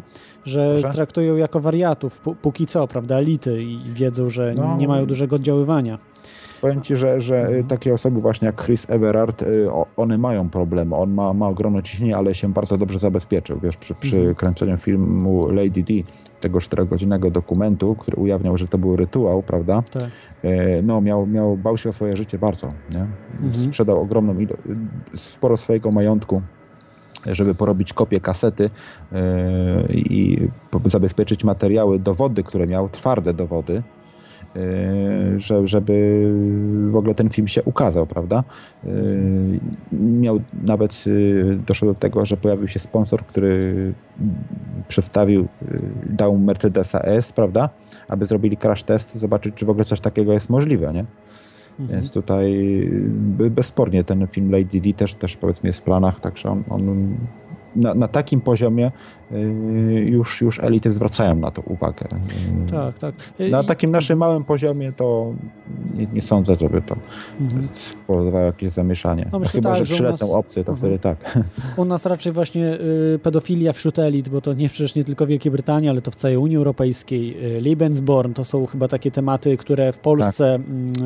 y, są trudne w poruszaniu. Znaczy nie są trudne, tylko że po prostu to służby specjalne, y, niekoniecznie polskie, ale po prostu to jest taka sitwa oplecione tymi tak, tak. służbami tak. natowskimi, po prostu, które są z zewnątrz kontrolowane, że y, policja nawet nie może wiele, wiele robić. Zresztą o tym mógł Dariusz Kwiecień opowiadał, prawda? Tak, tak, jak, jak przychodzili na, w, na polski komisariat tacy ludzie, że, że no, każdy, każdy by się wtedy no, wpadł w paranoję, prawda, na takim miejscu, bo to jest, to jest niemożliwe. Dla 99,9% ludzi to jest niemożliwe, co tam się dzieje, bo na takim właśnie przesłuchaniu, prawda, Dariusza Kwietnia, bo no, to, są, to są rzeczy, rzeczy jakieś absurdalne, z jakiegoś Matrixa wzięte, prawda, a nie tak, z tak. Polski. Polski kraj jakiś tak. gdzieś tam na ten, a tu się, co się dzieje, prawda? A jeszcze, I, słuchaj, będzie, jak będę mówił o okultyzmie elit, tam są jeszcze lepsze hardkory, kiedy przejdziemy już do naprawdę mhm. bardzo, bardzo no, będę, będę z niecierpliwością czek czekał na ten e, odcinek. Ja może powiem e, tak pokrótce, co będzie w tym odcinku. To powiemy sobie po prostu o tych właśnie e, całym okultyzmie elit, ale zaczniemy o też taki ry, ry, rys historyczny będzie, prawda? Od masonerii, tak. zaczniemy od jeszcze wcześniejszych, prawda? Może templariuszy. templariuszy, tak. Y, generalnie to geneza chrześcijaństwa w Europie, czyli o historii, potem do rozwoju tego wszystkiego i, i przejdziemy już do czasów współczesnych i powiemy o współczesnych elitach, co jest najbardziej interesującą chyba sprawą, prawda? O, tych, tak. o tym wszystkim, co się dzieje za zamkniętymi drzwiami. No i też y, takie rzeczy pewnie też powiemy, prawda, dlaczego panna młoda nie założyła pierścionka, znaczy zaręczynowe, znaczy nie, co ja mówię, e, obrączki nie założyła e, księciu Williamowi, prawda? Bo to wielu ludzi zastanawiało, ale po prostu no, ludzie są na takim poziomie, że, że no, nikt generalnie nie drąży i potem zapomina o czymś takim, tak. ale każdy zadawał to pytanie, to, to wiem. Tak. Ale, tak, ale, ale nikt dalej nie pytania, właśnie, że, że skąd ona pochodzi, prawda, skąd Tak. się wzięła. To Tak, też nie tak, było, że, że jest bezpośrednią potomkinią, potomkinią potężnej dynastii Tak, Merowingów. tylko mówisz, że zwykła dziewczyna tam z jakiejś tam y, biblioteki czy gdzieś tam, no przecież to, to Tak, jest wiadomo akurat. o co chodzi. E, tylko, że ludzie no, nie zajmują się, nie czytają, nie, y, nie zgłębiają się w dany temat, ale myślę, że o tym powiemy, prawda, że o te, tego typu sprawach, co są bardzo istotne i, i ciekawe. Myślę, że y, to was zachęci. No dobrze, no to na dzisiaj y, to już będzie wszystko. Czy chciałbyś coś jeszcze y, dodać, y, coś od siebie powiedzieć właśnie na podsumowanie tego y, tematu, Krzysztofie? E, No myślę, że ja zawsze też proszę, żeby potwierdzać te informacje, bo ka- każdy może sam oczywiście to wszystko sprawdzić. To nie, nie, nie jest jakiś tam wielki problem. Y, Wiele z tych spraw po prostu samodzielnie powiązałem na podstawie przeczytanych y, informacji. Zauważyłem, że, tych, że te sprawy się wiąże. Y, Chodzi o to, żebyśmy zaczęli patrzeć na naszą rzeczywistość w szerszym zakresie, abyśmy wiązali fakty i sprzeciwili się temu systemowi edukacji, który uczy nas y, patrzenia na okresy takiej totalnej defragmentacji wiedzy, prawda? Mamy kontynenty, mamy kraje, mamy okresy historyczne. Y, Kompletnie nic się według nas nie wiąże, wszystko jest zamykane w poszczególnych rozdziałach. Y, My to sami robimy we własnych umysłach, prawda? I to, to, to dotyczy każdego elementu. Tak jak na przykład Da- Dariusz Kwiecień łączy czasy współczesne y, z nazizmem, tak samo ja łączę czasy starożytne z czasami współczesnymi, bo tak jak przykładowo każdy, który się y, interesuje ufologią, y, poważnie wie doskonale, doskonale sobie zdaje z tego sprawę, że im dalej im bardziej próbuje dowiedzieć się, kiedy to zjawisko się zaczęło, tym bardziej musi się cofać wstecz. Okazało się, że cała ufologia praktycznie się, można powiedzieć, rozsypała, kiedy trzeba było się cofnąć wstecz do początków historii ludzkości. Tylko tutaj wtedy już nikt nie miał odpowiedniej wiedzy, żeby zacząć kontynuować badania, a ci badacze, którzy to kontynuowali, tak jak na przykład David Icke, są traktowani jako świry, no bo przecież obcy co najwyżej mogą przylatywać, prawda? Y, są, tak jak mówił Sytchin, prawda? Są, coś zrobili, ale sobie polecieli, nie? Broń Tak. Boże tutaj zostali. No to już, a już są pod ziemią, w jakichś bazach, to w ogóle już hardcore. Albo, albo że nami manipulują, albo że są w elitach, no to przecież już trzeba być chorym psychicznie, prawda? Tak, albo że nas to jedzą. funkcjonuje. Tak, to, to już w ogóle, więc y, na tym etapie po prostu trzeba to wiązać, bo to, to jest y, po prostu ciąg logiczny, nic więcej, prawda? Mhm. To tak na zakończenie. Dobrze. Y, Dziękuję Ci bardzo, że zgodziłeś się wystąpić y, dzisiaj w audycji troszeczkę z pewnymi problemami, ale przezwyciężyliśmy, jak widzisz, czy jak słyszysz i słyszycie też słuchacze, przezwyciężyliśmy Reptilian. Y, Także da się to zrobić bez du du dużego problemu. E, I dziękuję Ci bardzo za, za właśnie tą fenomenalną audycję, no ponad dwugodzinną. E, Także dziękuję Ci raz jeszcze. Też dziękuję bardzo. Y, Do zobaczenia. Y, To jak zwykle na koniec znany utwór, który się większości z Was podoba. A chciałem od Ciebie powiedzieć, że y, nigdy nie wiemy, jaka jest prawda, natomiast nie powinniśmy odrzucać niczego. A przynajmniej tych rzeczy, które mogą być w jakiś sposób prawdopodobne i dużo bardziej prawdopodobne niż złożenie się samolotu samego z siebie, jak naukowcy uważają, yy, życie, że tak właśnie powstało. Za tydzień będzie o ym, komputerach, a dzisiaj na już wszystko. Miłego weekendu, cześć.